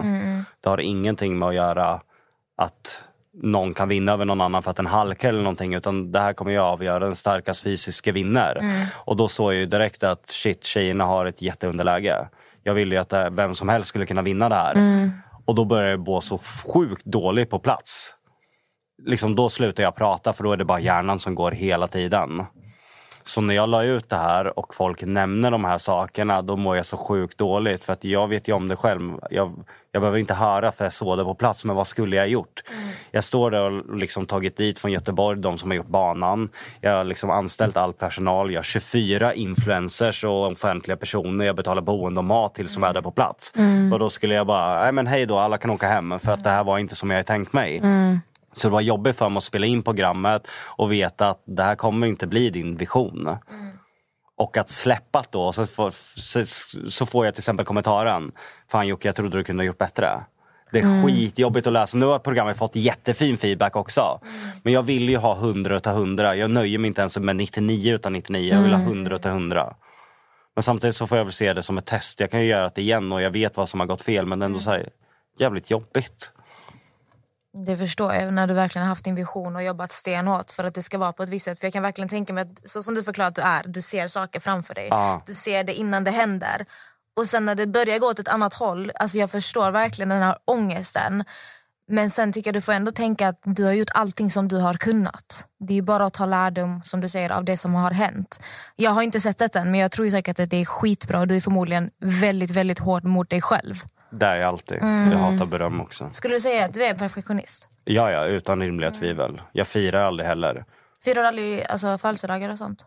Ingenting. Eller, ingenting alls? Jag var glad för Kristallen en timme. Och, eh, det var en eh, journalist som skrev en artikel som verkligen så här, träffade mig så här. Ja, men Jocke åkte upp och hämtade Kristallen och åkte hem och fortsatte redigera. Och det träffade mig så här, bara, det är så jävla sant. Jag lever aldrig i nuet och det är en dålig egenskap. Ska jag prata om mig själv, många liksom pratar ju väldigt så här, gott om hur duktig jag är och allting. Men ska man prata om en dålig egenskap som jag många gånger mår dåligt för hur jag kan vara emot Jonna, för det är inget medvetet. Men jag lever sällan i nuet. Jag är alltid tio steg framåt. Du är alltid fram, för du, Ja. du håller inte dig så bakåt. För många Nej. kan ju älta det förflutna, men du är för mycket framåt. Framåt. Jag kan inte bara sitta där med Kristallen, njuta, fira med vänner. Jag vill bara hem och göra nästa grej. Men Jag kan ha svårt, även, jag älskar att vara med Luna Bell, det är det bästa jag vet.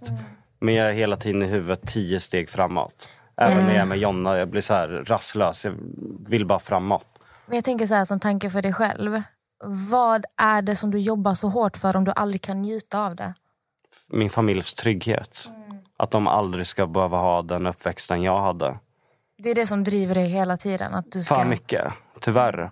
Jag måste hela tiden vara tio steg över. Tjänar vi en miljon, ja men fan det kan försvinna. Det är bättre jag tjänar tio miljoner. För att jag vill att Jonna och Luna Bell och de alltid ska ha, kunna ha det bra. Och att det alltid ska finnas liksom en, en exit och plan B för dem. Och det är egentligen min största liksom förbannelse och curse. För att jag finns aldrig till 100% för dem. Jonna säger att jag finns för 100% både för barnen och henne. Men jag känner att jag inte gör det. Och det gör att jag mår alltså, fett dåligt. För jag känner att jag kan aldrig sitta med Luna Bell i knät och bara vara exakt 100%. Det är i alla fall 2-3% i mig som är någon annanstans. För jag tänker alltid framåt. Och jag mår så här dåligt för... Hon kan gå tre meter ifrån trappen. Men jag bara känner hon ramlar i trappen och då är tanken där hela tiden. Jag kan aldrig bara släppa allt och bara vara i nuet. Är det någonting du jobbar på? Hela tiden och försöker. Men hon är ju liksom, jag älskar Lionel också självklart men han är ju precis nyfödd. Jag och Luna Bell har ett betydligt starkare band. Jag och Lionel kommer ju också få det bandet. Men Le- Luna Bell och jag har haft mer tid med varandra. Hur gammal är Lionel nu? Han är inte så gammal. Lionel? Eller Luna Bell? Lionel? Lionel är tre veckor snart. Luna Bell fyller två år nästa månad. Ja. Gud, Det- tiden har gått fort. Ja, verkligen. Så jag gör ju egentligen det som jag pratar om i relationer, att hålla någonting för hårt. Det är där jag, jag, jag vet om problemet men jag har så jävla svårt att bara släppa för jag älskar Luna Bell för mycket.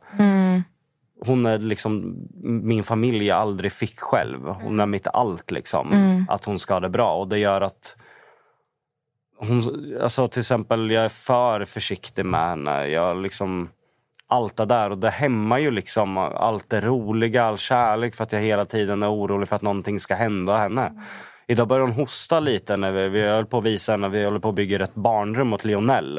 Och då skulle jag visa henne runt och visa det här är din liksom lillebrors rum. Och då började hon bara hosta en gång. Och jag höll fan på att få hjärtattack liksom. Och då börjar jag ju direkt, vad är det? Och börjar titta på henne. Och då ser jag, då börjar hon gråta. Och det är ju för att jag fan skrämmer livet ur henne för att hon hostar. Och det där är ingen bra egenskap. Och jag vet om det, jag vet att om det så länge jag försöker jobba med det. Men det är så jävla svårt när det är ens barn att få bort den där tanken. Likadant nu, jag, jag kan knappt hålla i Lionel. Jag har hållit den, alltså, jag kan räkna på en hand hur många gånger jag har hållit honom för jag är så jävla rädd för han är så liten, han är så ömtålig.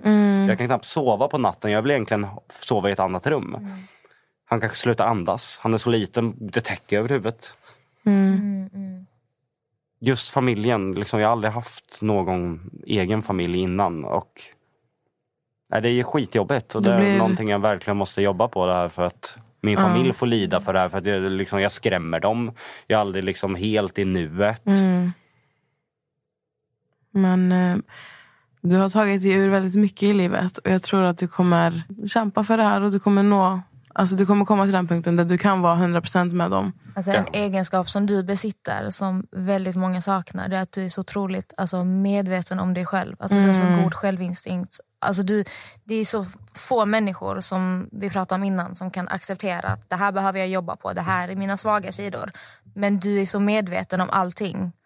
Och det, det är första steget, att vara medveten om det. Det är väldigt sant. Så det är en otroligt god egenskap du sitter i alla fall. Att Verkligen. du känner till allt det här. Jag, får, jag har ju ett par år på mig. Får hoppas när hon fyller 14 att hon får gå ut. Liksom, Så att jag inte liksom ska, Det får du ta sen. Ja, Så jag vill inte bli den tänka. föräldern. Liksom. Men Nej. fan, kolla hur världen ser ut. Och det är ju inte konstigt att man blir sån när folk blir, blir våldtagna till höger och vänster. Mm. Ofredade. Och hon är ju tjej fram, dessutom. Hur fan ska jag våga låta Luna Bell gå ut. Liksom. Så det här är ju någonting jag kommer få jobba med jävligt många år. Liksom. Mm.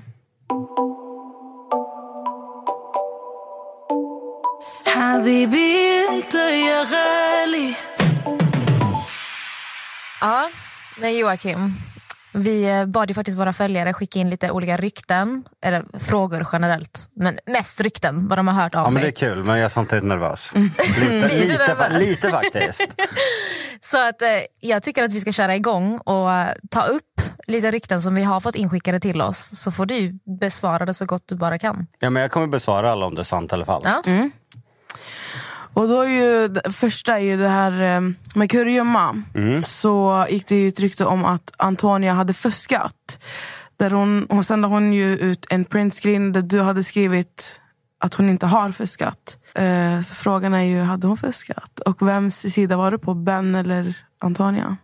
I och med att jag är producent för programmet får jag ge ett ganska tråkigt svar så är jag inte på någon sida.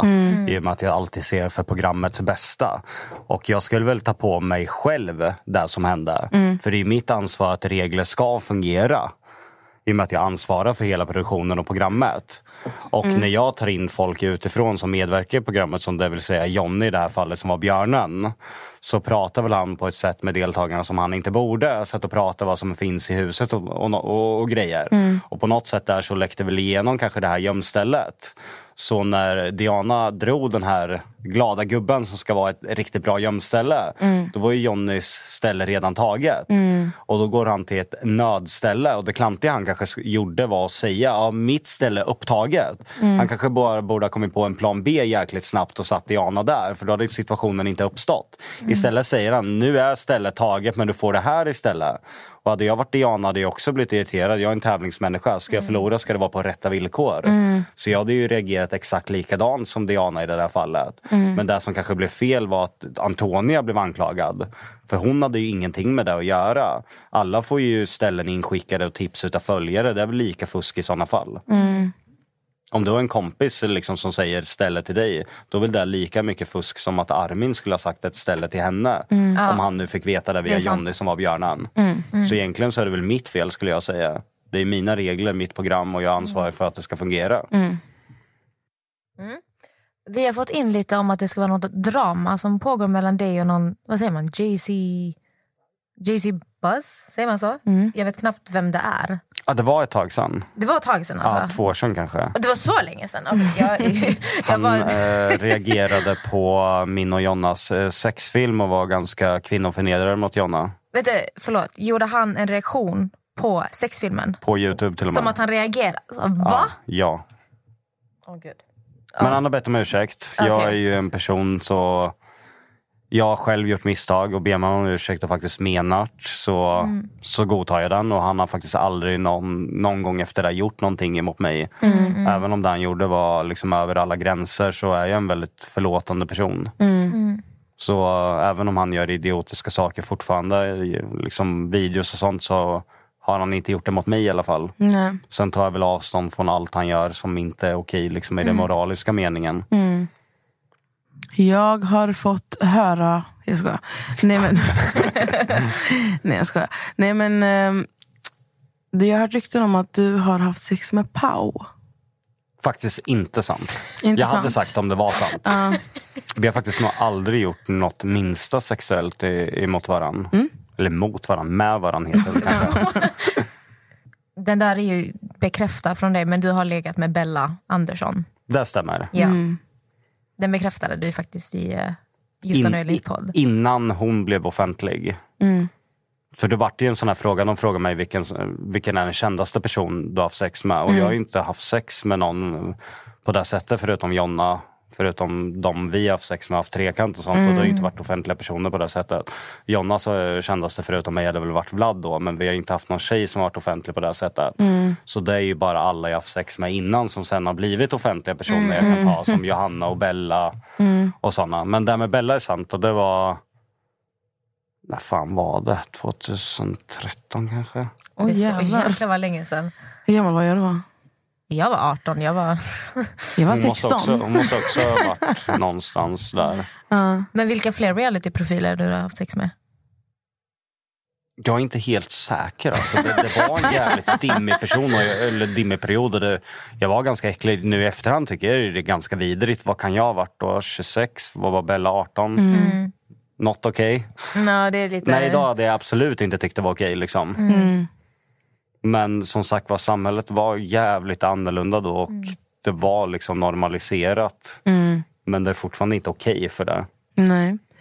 Jag får Så be om ursäkt till Bella i efterhand.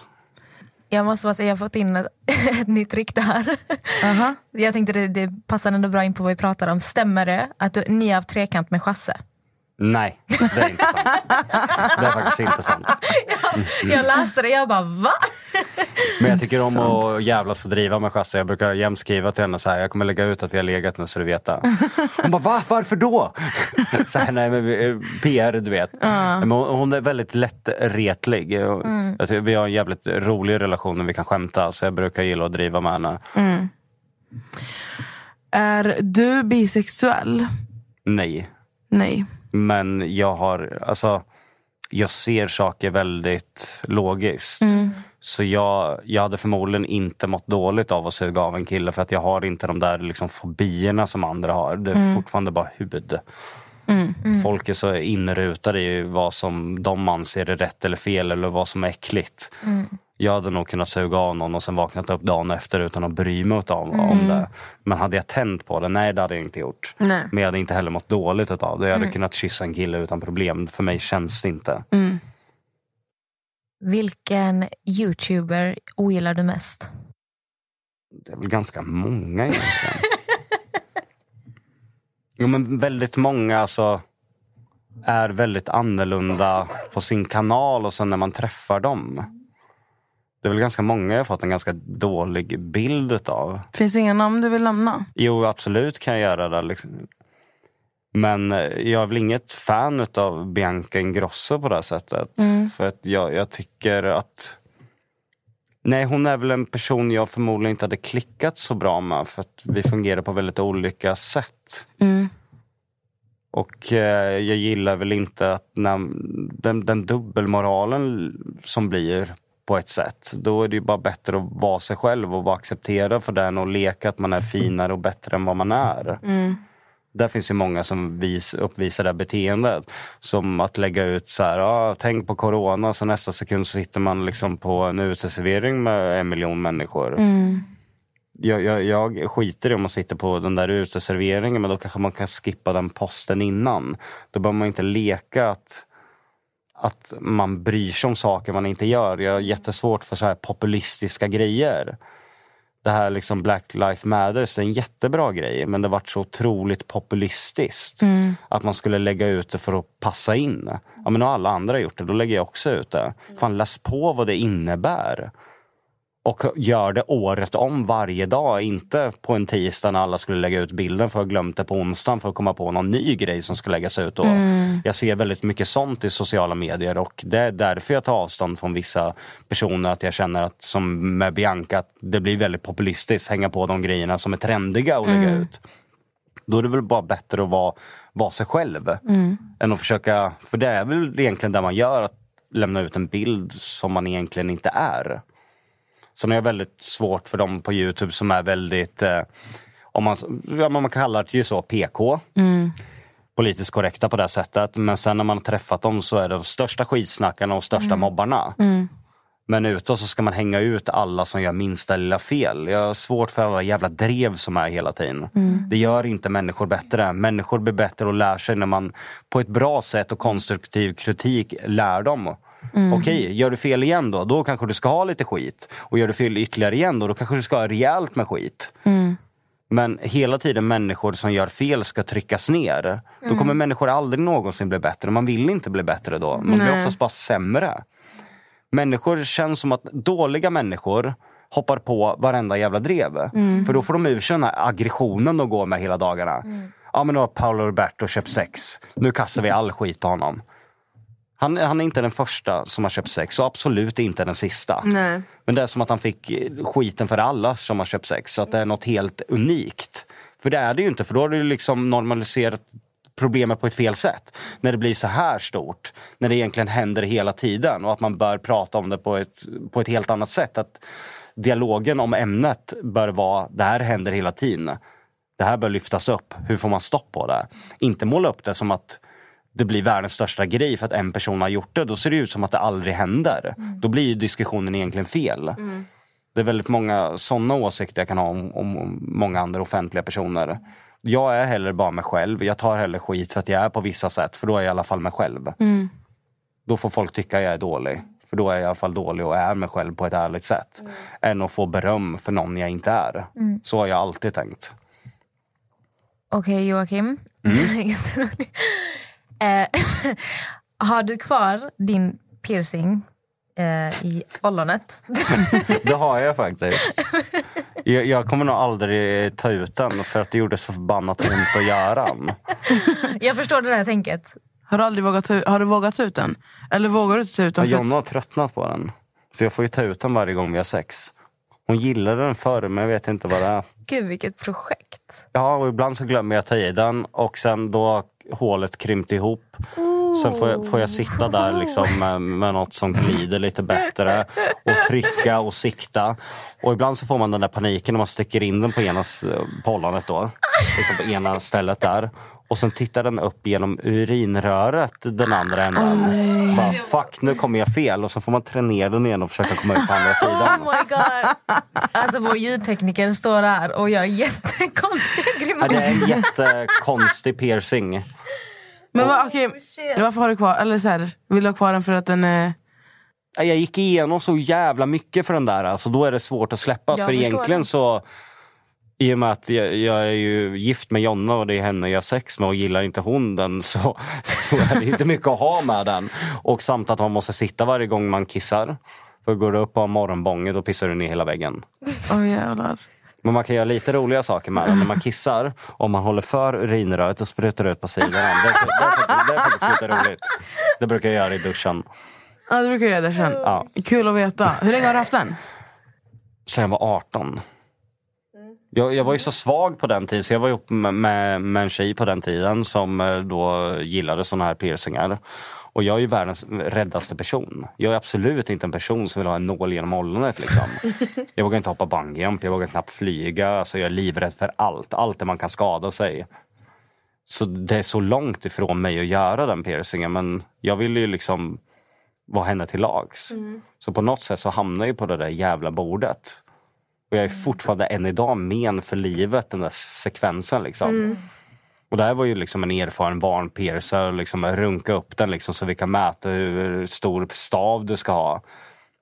Och sen fick jag en sån här, ni vet såna här svarta plasthandskar som tatuerare och mm. piercare har.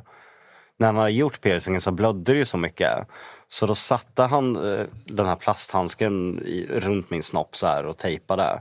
Och den fylldes ju med blod. Så jag har fortfarande så här minne i huvudet hur, hur den här... Och sen fylldes ju den och liksom såg ut som en tupp.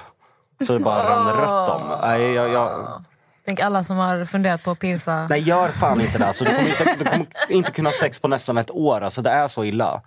Jag försökte onanera efter tre månader. Jag kommer ihåg det, jag bodde på ett ungdomsboende på den tiden. Och det var ett så här jättehemskt badrum. Jag har hela minnesbilden i huvudet med så här riktigt fult kakel och ett gult badkar. Så låg jag där och försökte onanera då. Och så kände jag bara, fan nu kommer jag. Men det var inte sperma som kom utan det bara pissade blod. Fan. Och sen hade jag ont alltså hur länge som helst efter. Och du kan inte ha kalsonger. Men varför fick- tog du inte ut den? Nej, hade jag gjort den, alltså det är ju det där. Har jag fan gått igenom hit så ska jag fan inte ge upp. Liksom. Jag respekterar det där, jag förstår det där. Ja. Men eh, Joakim, Blir du sur när man kallar dig för Jockiboi? Ja, det blev jag faktiskt.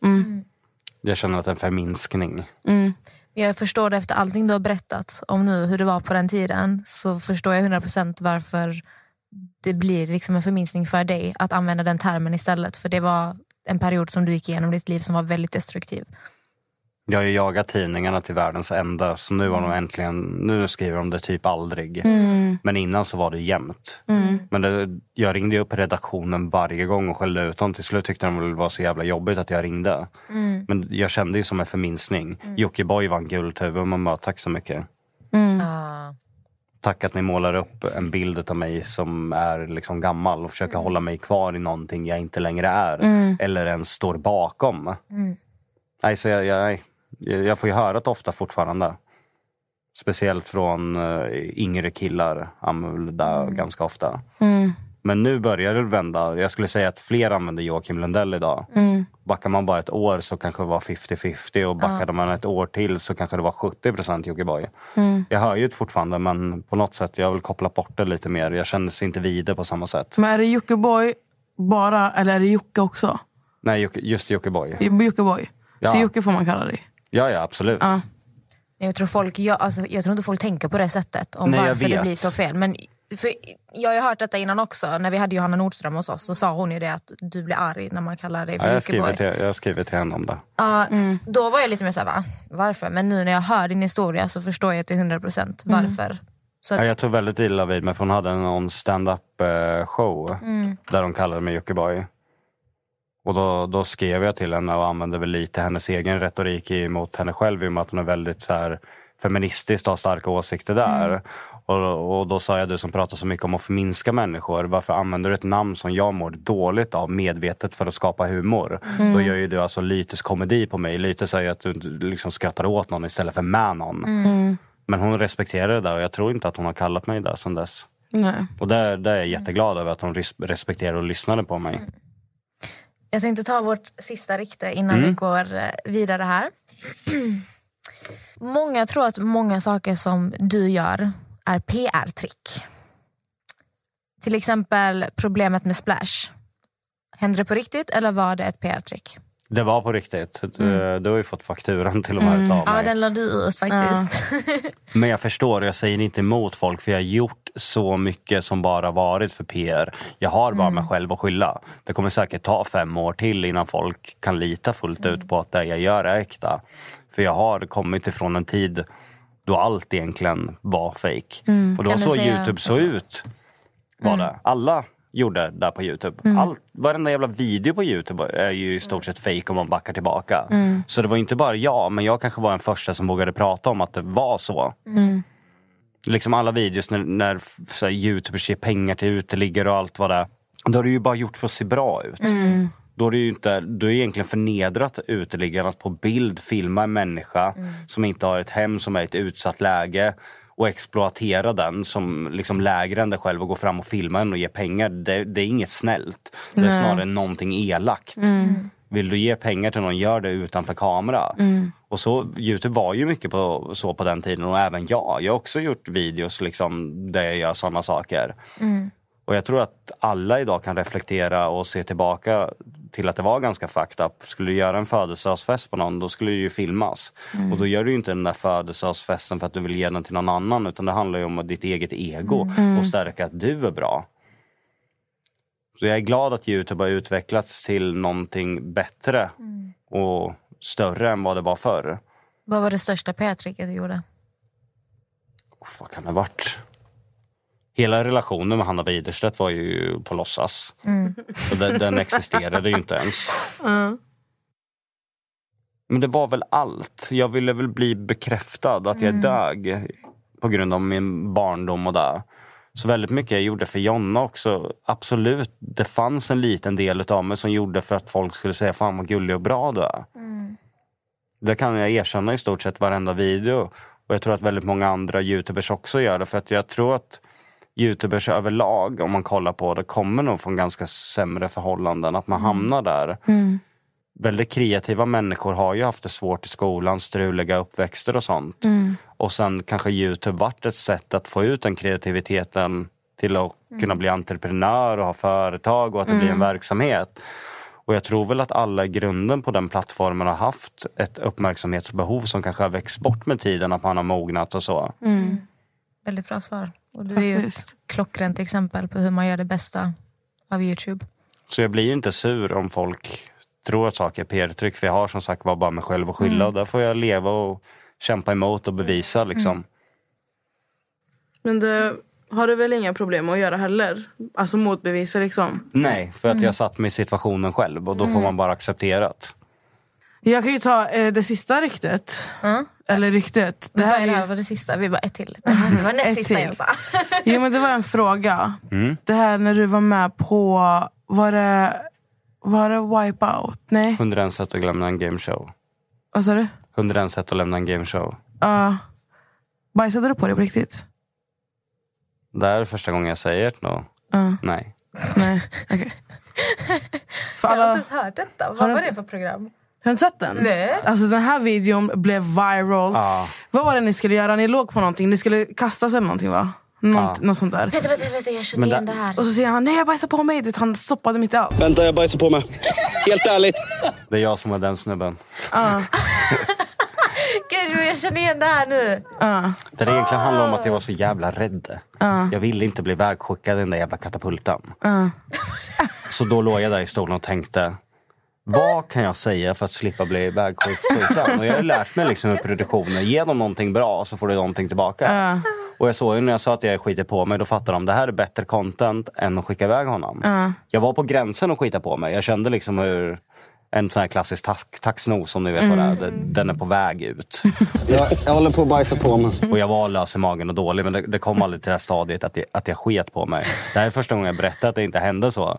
Men nej, jag ville fan inte åka iväg i den där jävla katapulten. Vi var i Argentina och spelade in ett jävla program typ utan försäkringar. Chakablam! Arrivederci! Och det här är faktiskt helt sant. Någon skickades iväg innan i exakt samma, det var ett tidigare program. Man löper ju och spelar in program hela tiden så här. Och hon hade slagit ut sina framtänder, det var blod i hela jävla poolen. Det kommer fram några argentinare liksom med brandslang på spanska, pratar med varandra och bara spola bort det här blodet. In med henne i någon ambulans, skicka iväg henne och sen bara next! Och så ska vi sätta oss i de där. Fan, jag vill inte åka iväg och slå ut mina tänder. Så, så jag tog ju hellre att bli sedd som världens jävla clown. Jag, som du säger, den där har ju legat överallt och folk har skrattat. Kallat Den mig blev dum i ju huvudet. viral. Ja, kallat mig dum i huvudet, pajas, allting. Men alltså, jag, trodde, jag ska inte ljuga, jag trodde ju du bajsade på det på riktigt. Det, alltså hela... Alltså när man ser det här klippet. Alltså, Jag är så du, ser ju, rädd du ser ju bara. bajsnödig ut på riktigt. Ja, men det är ju för att jag är så jävla rädd. Han var ju bajsig men han bajsade. Jag tror, jag tror ju hellre att vara utskrattad och en clownen och ha kvar mina framtänder. Alltså jag hade ju också bajsat. Jag, ska, jag, jag är skiträdd för så här, karuseller och sånt. Så såna här grejer, alltså det, jag hade ju svimmat på vägen. Luften jag hade... Så jag hade också bajsat. Jag hade bajsat på honom på riktigt. Det hade jag gjort. Right. Nu så kommer jag faktiskt kalla Natta, som var med i vårt förra avsnitt, till Yes. mikrofonen. För vi har en ny väldigt rolig lek som vi ska introducera med dig. Försökskanin. Precis! Ja. Så Natta, välkommen hit. Välkommen gumman. Tack gumman, tack tack. Så, Joakim du- ser jättenervös Ja, ut. men nu är du nervös nu? Jag klarar ryktena bra. De var inte så farliga som jag trodde. Nej, men då var inte jag med i showen än. Nu är det så här va. Vi behöver att du låser upp din telefon. Ett poddtips från Podplay. I fallen jag aldrig glömmer djupdyker Hasse Aro i arbetet bakom några av Sveriges mest uppseendeväckande brottsutredningar. Går vi in med hemlig telefonavlyssning och, och då upplever vi att vi får en total förändring av hans beteende. Vad är det som händer nu? Vem är det som läcker? Och så säger han att jag är kriminell, jag har varit kriminell i hela mitt liv men att mörda ett barn, där går min gräns. Nya säsongen av Fallen jag aldrig glömmer på Podplay. Okej, nu vart det känsligt. Vi börjar där. Jag, har, jag har skrivit små lappar. Du kommer behöva dra fem av våra lappar. Okej? Du drar lappen och kastar den till mig.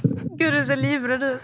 Lyssna Jag vet nu. inte vad som ska Nej, hända. men lyssna, lyssna nu. Lyssna nu. Kolla på mig. Du kommer få den här koppen med lappar. Du väljer en lapp. Du skickar den till mig.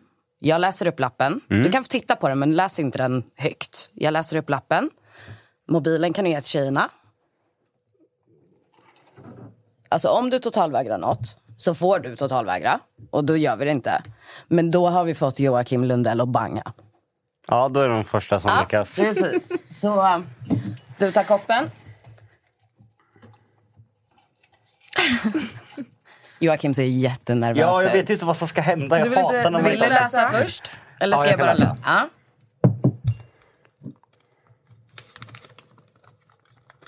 Och ser du mig så att jag kan läsa högt? Jag är nervös.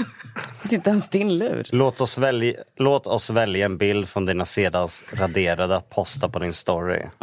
Jag ska kolla vilka. Jag vet inte ens om jag har några på Nej, men då får vi gå in i din vanliga kamerarulle. 10 700, 10 Vi 746 ska gå bilder. in. På senast raderade? Nej, på de vanliga, Vanliga? bilderna. Ja. Har du senast raderade? Jag kollar noll. Ja, då får, vi, då får tjejerna gå in på den vanliga. Alltså vad... Nej, nej. Det. Låt dem välja en bild innan du bangar åtminstone. Och sen så om du bangar då, då kan du banga. Det här är så jävla kul. Här kommer jag tillbaka till Låt mig andas podcasten. lite. Det- Han ska få andas. Ger Joakim Lundell en ordentlig eh, panikångestattack här. Kommer jag få Joakim att banga? Ja, det är fan på gränsen för det är så jävla mycket privat som har med arbete att göra framför allt. Men sekretessgrejer kommer vi absolut inte lägga Nej. ut. Nej, nej. Alltså arbete det är en annan grej. Vi kommer försöka hitta någon ful bild på det liksom. Eller, eller något kul jag jag som är så tar här. aldrig en selfie så att ni vet. Det finns inte en enda selfie Men du har på min 10 000 telefon. bilder. Någonting har du i den här kamerarullen. Okej, Som du får- sagt. Härifrån och neråt kan du få gå. För Ja. Härifrån vet jag, det är bara jättekonstiga saker. Ja, och sen så när de har valt en bild så visar de dig först och så får du godkänna om den får åka upp på story. Alltså, jag- men vad fan alltså jag... Får jag se? Ja, Ja, kan jag få förklara bakgrunden till bilden? alla Ja, ja, ja. Ja. Men vänta nu. Åh shit, det här var jobbigt. Men jag tänker fan inte banga.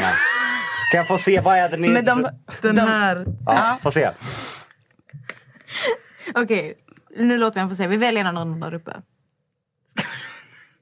Men ta den först. Ja, Ska vi ta den? Är vi överens eller? Ja, kan jag få se vad det är? nej. Den. Det tar Ja. Kan jag få se den? Jag bara- Ska... Ja, jag ska förklara bakgrunden till. Eh, Jag är ju väldigt bra vän med Johanna Men- Öholm. Snabbt bara innan du förklarar. OK är att den åker upp på story. Ja, jag tänker fan inte förlora alltså. Så medan Joakim förklarar kan ni bara kasta upp den på hans story. Jag är väldigt bra vän med Johanna Öholm. Eh, En känd influencer. Okej. Och eh, vi brukar så alltid sitta och sk- skämta om varandra. Och då ska hon eh, troligen vara med i Spökjakt i nästa säsong, säsong tre.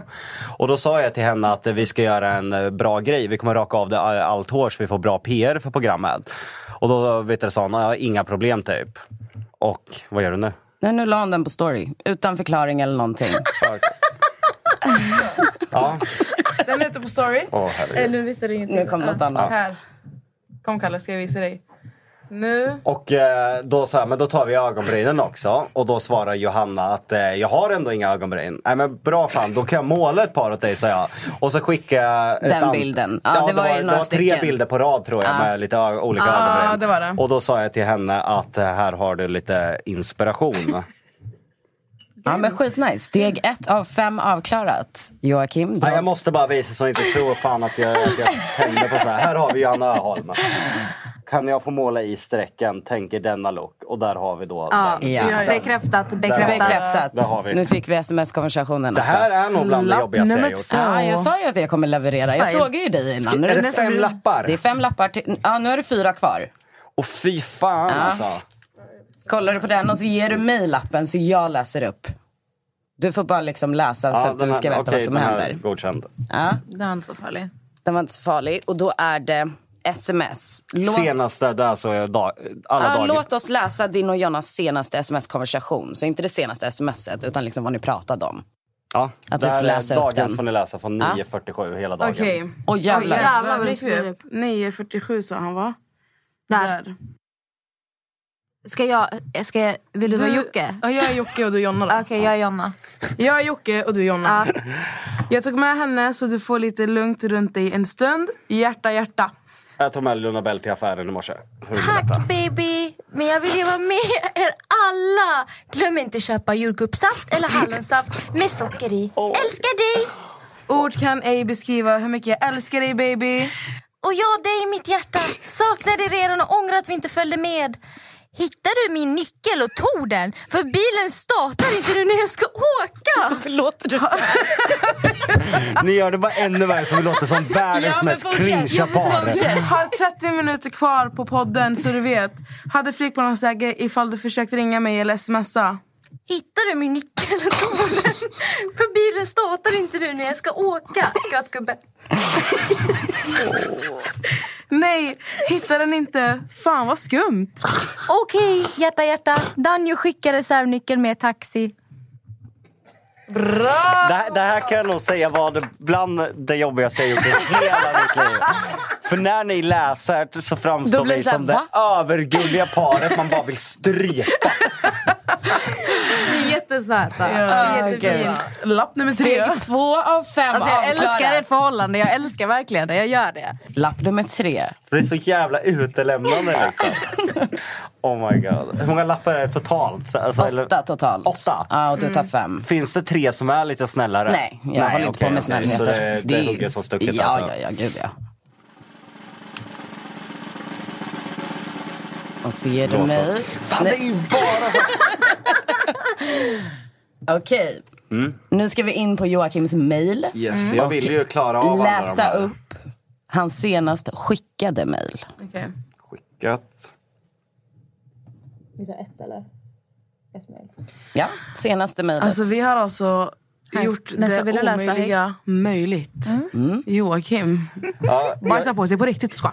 ja, jag, jag kan låta lite halvt otrevlig text när det gäller mejl. Får så jag säga vem det är? Ska jag säga vem det är han Ja, det kan du mejlar? få göra. ja, det är Okej. okej med honom. Så rubriken är Sover ni redan i en hästens? Okej? Sover ni redan i en hästens? Det är alltså hästens sängar Yes. antar jag. Ja, det hoppas vi verkligen. Mm. Joakim skriver... Nej, det det är hästen som skriver först. Är det här som skriver först? Ja, så du måste... Nej, men vi ska bara läsa upp Läs vad du vad skickade Joakim senast. Nej, men ni kan få läsa hela konversationen. Jag godkänner faktiskt den. Ja, Ska vi göra det? Kör då. Ja, men du kan, eh, ska jag läsa upp det här så Vem- läser du hans svar? vem- Vem är hästen och Vem är vem är hästen av Joakim? er? Jag kan vara hästen. Jag är hästens. Om inte så är ni välkomna hela familjen på en privat sängprovning här i Köping. Ni bestämmer tid och datum. Lyxig handgjord säng med enbart naturmaterial. Klicka på länken nedan. Önskar en fortsatt härlig lördag. Vänliga hälsningar, kind regards, Camilla Jack- Gärdeberg.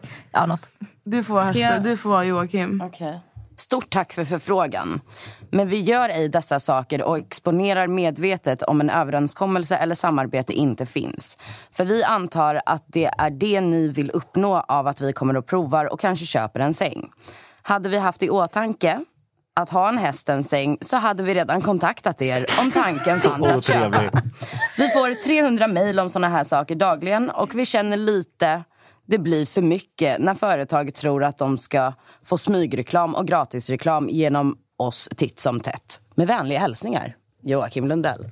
Jag ska visa att det var det senast skickade också. Det finns ett över som jag har skickat men det är ju inget innehåll. Nej. Det, är, Nej. det är filerna till eh, Splash som jag fick Mm. skickat Vi tror från på Ahlbergs dig. data. Ja, men jag vill Riktigt bra. verkligen, Nej, men jag, du- jag vill visa att jag klarar det här. Ja, att det men inte du- finns du- det minsta lilla fusk. Du gör det. Då är det två kvar. Du har två kvar nu. Nej, Jag är helt, alltså, jag är helt blöt hela vägen ner. Alltså. Ni har fan verkligen men fy- fått Vi avslöjar allt har verkligen... Och så får jag lappen. Oj, den här, den här var ser jobbig jobbig ut. Kolla. Den här var Den jobbig. Jag tror jag vet vilken det är eftersom man tycker att den är så jobbig. Vilken är det? Är det, nej, men jag kan ju inte säga, tänk om det inte är den, då vet du ju vad som kommer. Ja, sant. Nu fick du mig nästan. Nästan. Nästan. Vad är det? Oj. Jimmy? Vad ska vi göra nu? Han ska visa oss den senaste Google-sökningen han gjorde. Ja, den ligger där uppe. Ja. Det, det är Du får förklara dig efter att Ja, vi har då, läst Då upp får ni den. kolla eh, snabbt. Ja. Det här, Snabbt.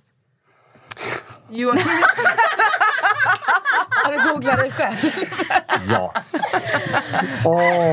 Okej, förklaring tack. Eller är det något du gör basis kanske? Kontrollbehov och vilja se vad folk skriver. Kanske ett antal sådana googlingar varje dag. Ja, okej. Ska se vad jag mer googlar. Confessions, confessions. Fan, det går ju ändå bra för dig. Nu är sista Ja. lappen. Eh, här har vi då min lista. Det är Joakim Lundell, Weird Eyebrows, vilket kanske har en förklaring på det förra. Jonathan Borg Bjärnum, den person som deltog i Splash för att jag ville se hur hans förnamn stavades. Sen har vi Chris Michael Bernsten och det är en person jag blev jättearg på på Facebook som sa att Jonas läppar såg ut som något. Så då gick jag in och sökte på vart han bodde och sedan så skrev jag till honom det här ska vi se. Chris Michael Bergsten. På måndag kontakta sin arbetsplats och alla platser du utövar idrott och alla föreningar du är medlem på för att han gör personangrepp och förminskar små Duktigt. kvinnor. Bra. Det gillar vi. Så där var min Jag sökning. måste ha hans ansiktsuttryck när han läser. Sista Jag sätter på filmen. nu. Den där var jobbig för... Fan, alltså ni googlar väl er själva någon gång? Vad sa du? Ni googlar väl er själva någon gång? Ja, det Lo- har hänt. ja. Jag lovar, det har hänt. Fan vad pinsamt står mitt eget namn. Det är sista lappen va? Ja, nu är det sista lappen.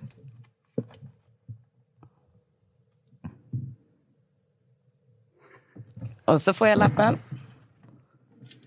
Nästa. Tack. Ja. Då ska Joakim visa oss det nuvarande disponibla beloppet på hans personkonto. Oj. Oj. Så upp med bankappen. Gud. Eh, jag kommer inte in på mitt vanliga konto, men jag får väl... Da- Daniel kommer döda mig för det här. Eh, ni får väl välja vilket företag ni vill se kontot på. Fan, alltså han kommer döda mig.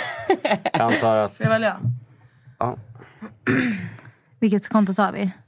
Men, Säg eh, innan vilket ni väljer, ska säga om det är bra eller dåligt val. Joakim Lundell Invest. Nej, det är helt Kan vi nystartat. ta Jocke och Jocke och Jonna? Jocke och Jonna ska Den var kanske lite roligare. Ja. Oj. Oj. Någon av er måste ju läsa upp också. Ska vi läsa upp? Ja, men det är klart. Nästa, du får läsa. 1 miljon 827 000 703,01. Bam, bam, bam. Och grattis till Joakim som klarade sig igenom. Ja. Det här är by far det jobbigaste momentet i hela mitt liv när det gäller att... Älskar. Alltså, för det här är så jävla exploaterande och... Ja, men det här visar ju egentligen, jag skulle kunna sitta och säga att jag är en person. Det här visar egentligen vem man är. För här går du in på djupet på allting. Men jag, fan, jag hade målsättning och klarat och jag klarat. Du klarade det? Du klarade det absolut. Men... eh, Jag bara sitter och applåderar. Det är allt det här. Jag Vi lägger in applåder. Men då kommer ju den här nästa, säg namnet, kommer inte vara någonting kommer- för dig överhuvudtaget. Det är ingenting. Det här här, kommer vara... Det var därför jag kände, ska man testa Ja, den här då är det ju på dig vi ska påbörja.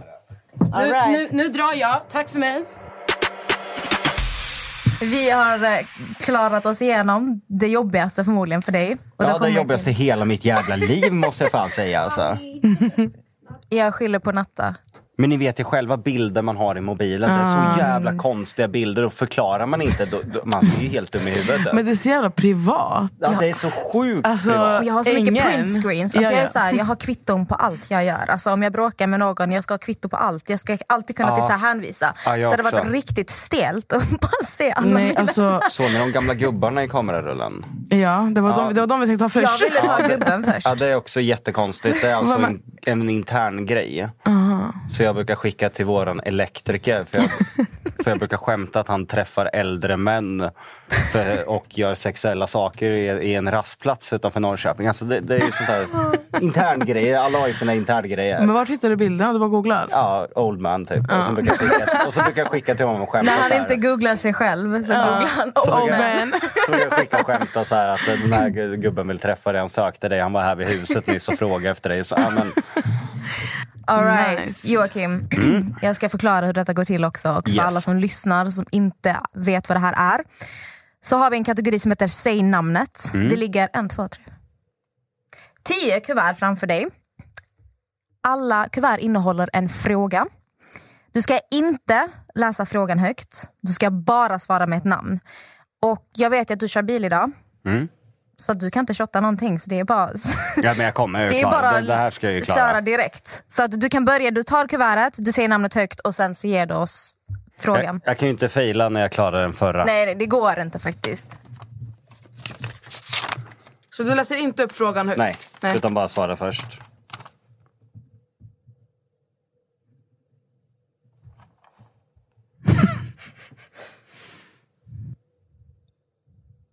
Ser jättefundersam ut. Saitros skulle jag svara på den här. Vem är det? Eh, en av de största gamingkanalerna i Sverige. Han har orange stort skägg. Mm. 200 000 prenumeranter eller något någonstans där. Vilken influencer tror du luktar mest svett? men han, ser lite, han ser lite väldigt glansig ut ofta, lite svettig. Och jag kan tänka mig att man är gamer då, då sitter man där vid datorn och lökar och luktar illa. Och... Hade det varit eh, åtta år sedan då hade det ju varit jag utan problem. utan konkurrens till och med. Vill du ta ett till kuvert? Vill du köra ett till? Ja, fan det här får jag gärna. Kör en till.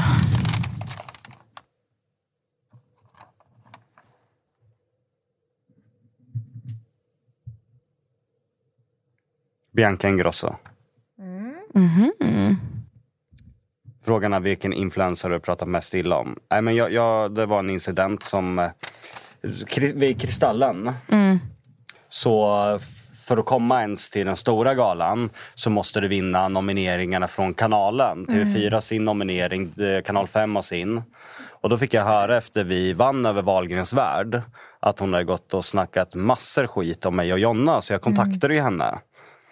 Och eh, ja, men det är väl lite riv- rivalitet och jag vet inte om jag har gjort henne något men jag får höra jätteofta att hon snackar skit om mig och Jonna. Så då blir det ju att jag inte får den bästa bilden av henne för jag brukar inte snacka skit så ofta överlag. Så eh, den enda jag sagt saker om är väl henne och det är väl för att jag alltid får höra att hon snackar skit om oss. Eh, Och att, eh, att vi var oförtjänta vinnare, att Wahlgrens var bättre och massa grejer har hon sagt. Och jag förstår väl att det smärtar för hon har ju alltid, deras program har ju oftast varit där som tävlar i Kristallen från kanal 5 då. Men jag förstår inte, året innan, då vann de. Vi var inte med och tävlade då. Men vi eh, länkade dem, att man skulle rösta på dem. Jonna la ut så här, hoppas Wahlgrens vinner på Kristallen. Man bara tackade tacken tillbaka att du går och snackar skit om oss. Vi till och med la ut och hjälpte er få röster. Och vi har alltid gillat Bianca och Pernilla och alla dem innan Benjamin. Har aldrig haft någonting emot dem överhuvudtaget. Utan jag har till och med länkat Wahlgrens jag också. Jag har alltid tyckt att det personligen är ett välgjort och bra underhållande program. Och sen så fort vi signade på då för kanal 5 så får jag höra ständigt, nästan varje vecka från folk i branschen. För tv-branschen är ju en ganska liten bransch, folk Mm. rör sig runt på olika program. Och då får jag höra från folk jag jobbar med som har jobbat med henne eller känner någon som jobbar med henne att hon pratar skit om oss totalt hela tiden. Mm. Och då Fan vad undrar jag- tråkigt. Och då undrar jag, vad har jag gjort dig människa? Mm.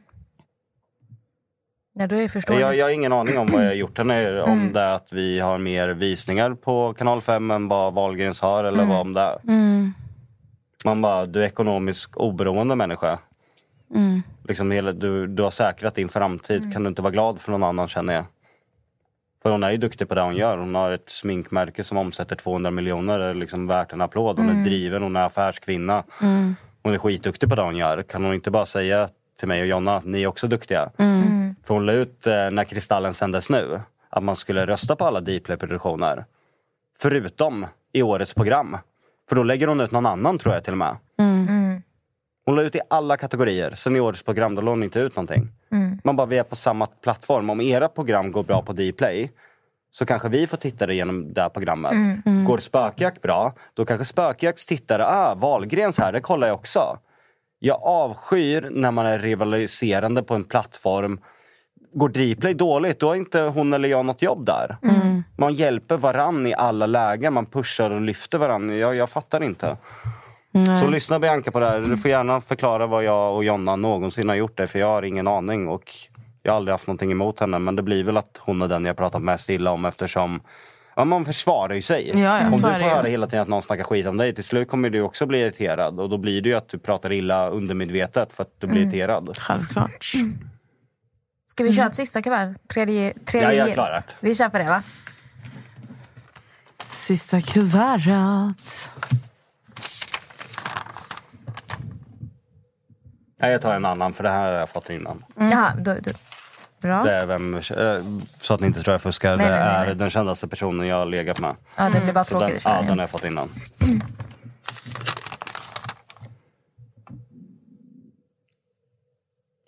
Ja, men det är Thomas Sekelius på den här. Och den otrevligaste kändisen du har träffat. Bara stå och blängde på mig. Jag har ingen aning om vad jag har gjort honom. Men jag antar att jag inte passar in i den perfekta fina bubblan. Det här var ju väl precis när jag och Jonna liksom började breaka, slå igenom. Mm. Då kom väl vi Ah. inte från den finare kretsen. Utan vi var från landet, ganska ofiltrerade, sa vad vi tyckte. Mm. Då passade väl inte vi in i de här fina galorna som Guldtuben och sånt. Mm. Intressant. Fan Joakim, du har varit så jävla grym idag. Ja. Ni också. Alltså jag har aldrig varit så här tyst i hela mitt liv. Alltså jag har verkligen suttit, för att när du pratar, alltså det är så här, det är så intressant att lyssna på, på dig. Du pratar på ett så, alltså du lägger, hur ska jag förklara? Du lägger upp allting på ett så bra sätt. Det är så här, man, blir, man blir intresserad av att höra mer och sen har du ju en historia som är väldigt alltså, gripande. Så det har varit skitkul och intressant att ha dig här. Både jag och Nessa vi fick ju en fråga för några avsnitt sen. Vilken, så, vilken gäst skulle ni helst vilja ha till eh, er podd? Och vi båda två sa ju dig. Mm. Och du har verkligen alltså, nått över mina förväntningar. Du är Mina också. otroligt bra på att tala och jätteimponerad över att du gjorde allt det här med mobilen och allting. Mm. Det, Men jag vill ju verkligen visa att jag är genuin rakt igenom, att jag Mm. inte har någonting att dölja. Därför är det Mm. viktigt för mig att klara av det här, hur Mm. jobbigt och utlämnande det är. För någonstans bevisar man ju då, jag har ingenting att, Mm. att dölja. Men jag måste säga att fan vad ni har levererat alltså. Det är inte ofta jag svettas alltså. Jag är fortfarande, alltså, jag är inte helt landat ifrån den där utmaningen alltså. Kommer du komma tillbaka? Ja, Och gästa om ni oss. vill det, om de vi- alltså, vi lyssnarna vill det, så absolut. jobbigare. Kommer du våga? Ja, jag skulle vilja. Men jag, är ju, jag älskar det där utmaningar. Det kommer bli som Men bara... ni har ju satt ribban högt. Alltså jag kommer ju vara livrädd om jag skulle komma tillbaka om ni har något ännu värre moment. Det Jag kommer ringer bara Natta. Det Men det Natta kommer ju ringer då. bli ännu värre. Uff, men det hade Alltså- varit kul att utmana sig själv. Se hur långt liksom, jag är beredd att gå och visa liksom, vem jag är. Ja. jag, jag, alltså jag vill ju nå den här punkten hos Jocke där alltså han, han backar ur. Där han bangar. Han ska banga alltså. Det har Alltså, inte det- hänt än. Nej, Men det har inte varit, hänt än. Ni har varit absolut närmast utan problem. utan problem. Ja. Kommer du tillbaka så är mitt mål att få dig att banga. Ja, men det har varit kul. Jag älskar ju utmaningar. Och då är ju självklart mitt mål att inte banga. Ja. Ja. Intressant. Men tack som fan för idag Joakim. Tack själva att jag fick Tack så komma. jättemycket att du kom. Och eh, vi hoppas att vi får se dig här snart igen. Du ska åka hem till Norrköping nu va? Till Vlad och säga hej först. Han Ja. har uh, hyr något hus. Han ska väl ha någon inflyttningsfestgrej. Så jag ska åka förbi och säga hej, Mm. tänkte jag. Nice. Jag hörde din bil, jag måste bara till. Jag stod här ute och rökte och jag bara jag hör Jockes bil. Alltså jag tror jag hörde det från så här, typ, tio, alltså Ja, kanske så här fem minuter ifrån. Jag hör din bil. Jag sa till Natta, för vi stod där utanför. Jag bara, jag tror jag hör hans bil. Hon bara, det är hans bil, 100%. så nu kommer vi höra den hela vägen till Norrköping. Uh. Skitkul. Hälsa Jonna och pussa barnen från oss. Ni är grymma vill jag tillägga. Det är du med. Nej, du, ah, jag har redan sagt till dig. Du är underbar. Nej, men det var ett nöje att vara här. Tack snälla och tack för att ni lyssnade.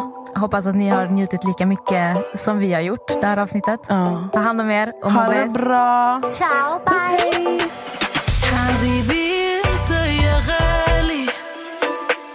hej.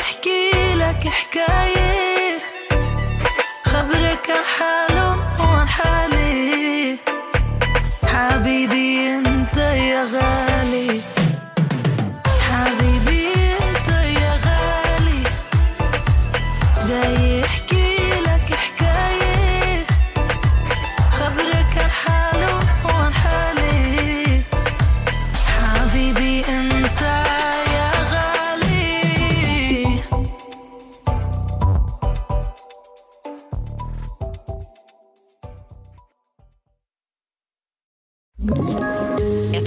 Poddtips från Podplay.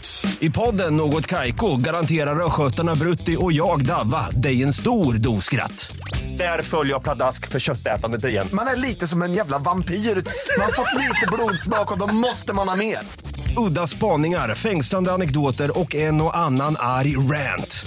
Jag måste ha mitt kaffe på morgonen för annars är jag ingen trevlig människa. Då är du ingen trevlig människa, punkt. Något Kaiko, hör du på Podplay. Därför arkadeinerna.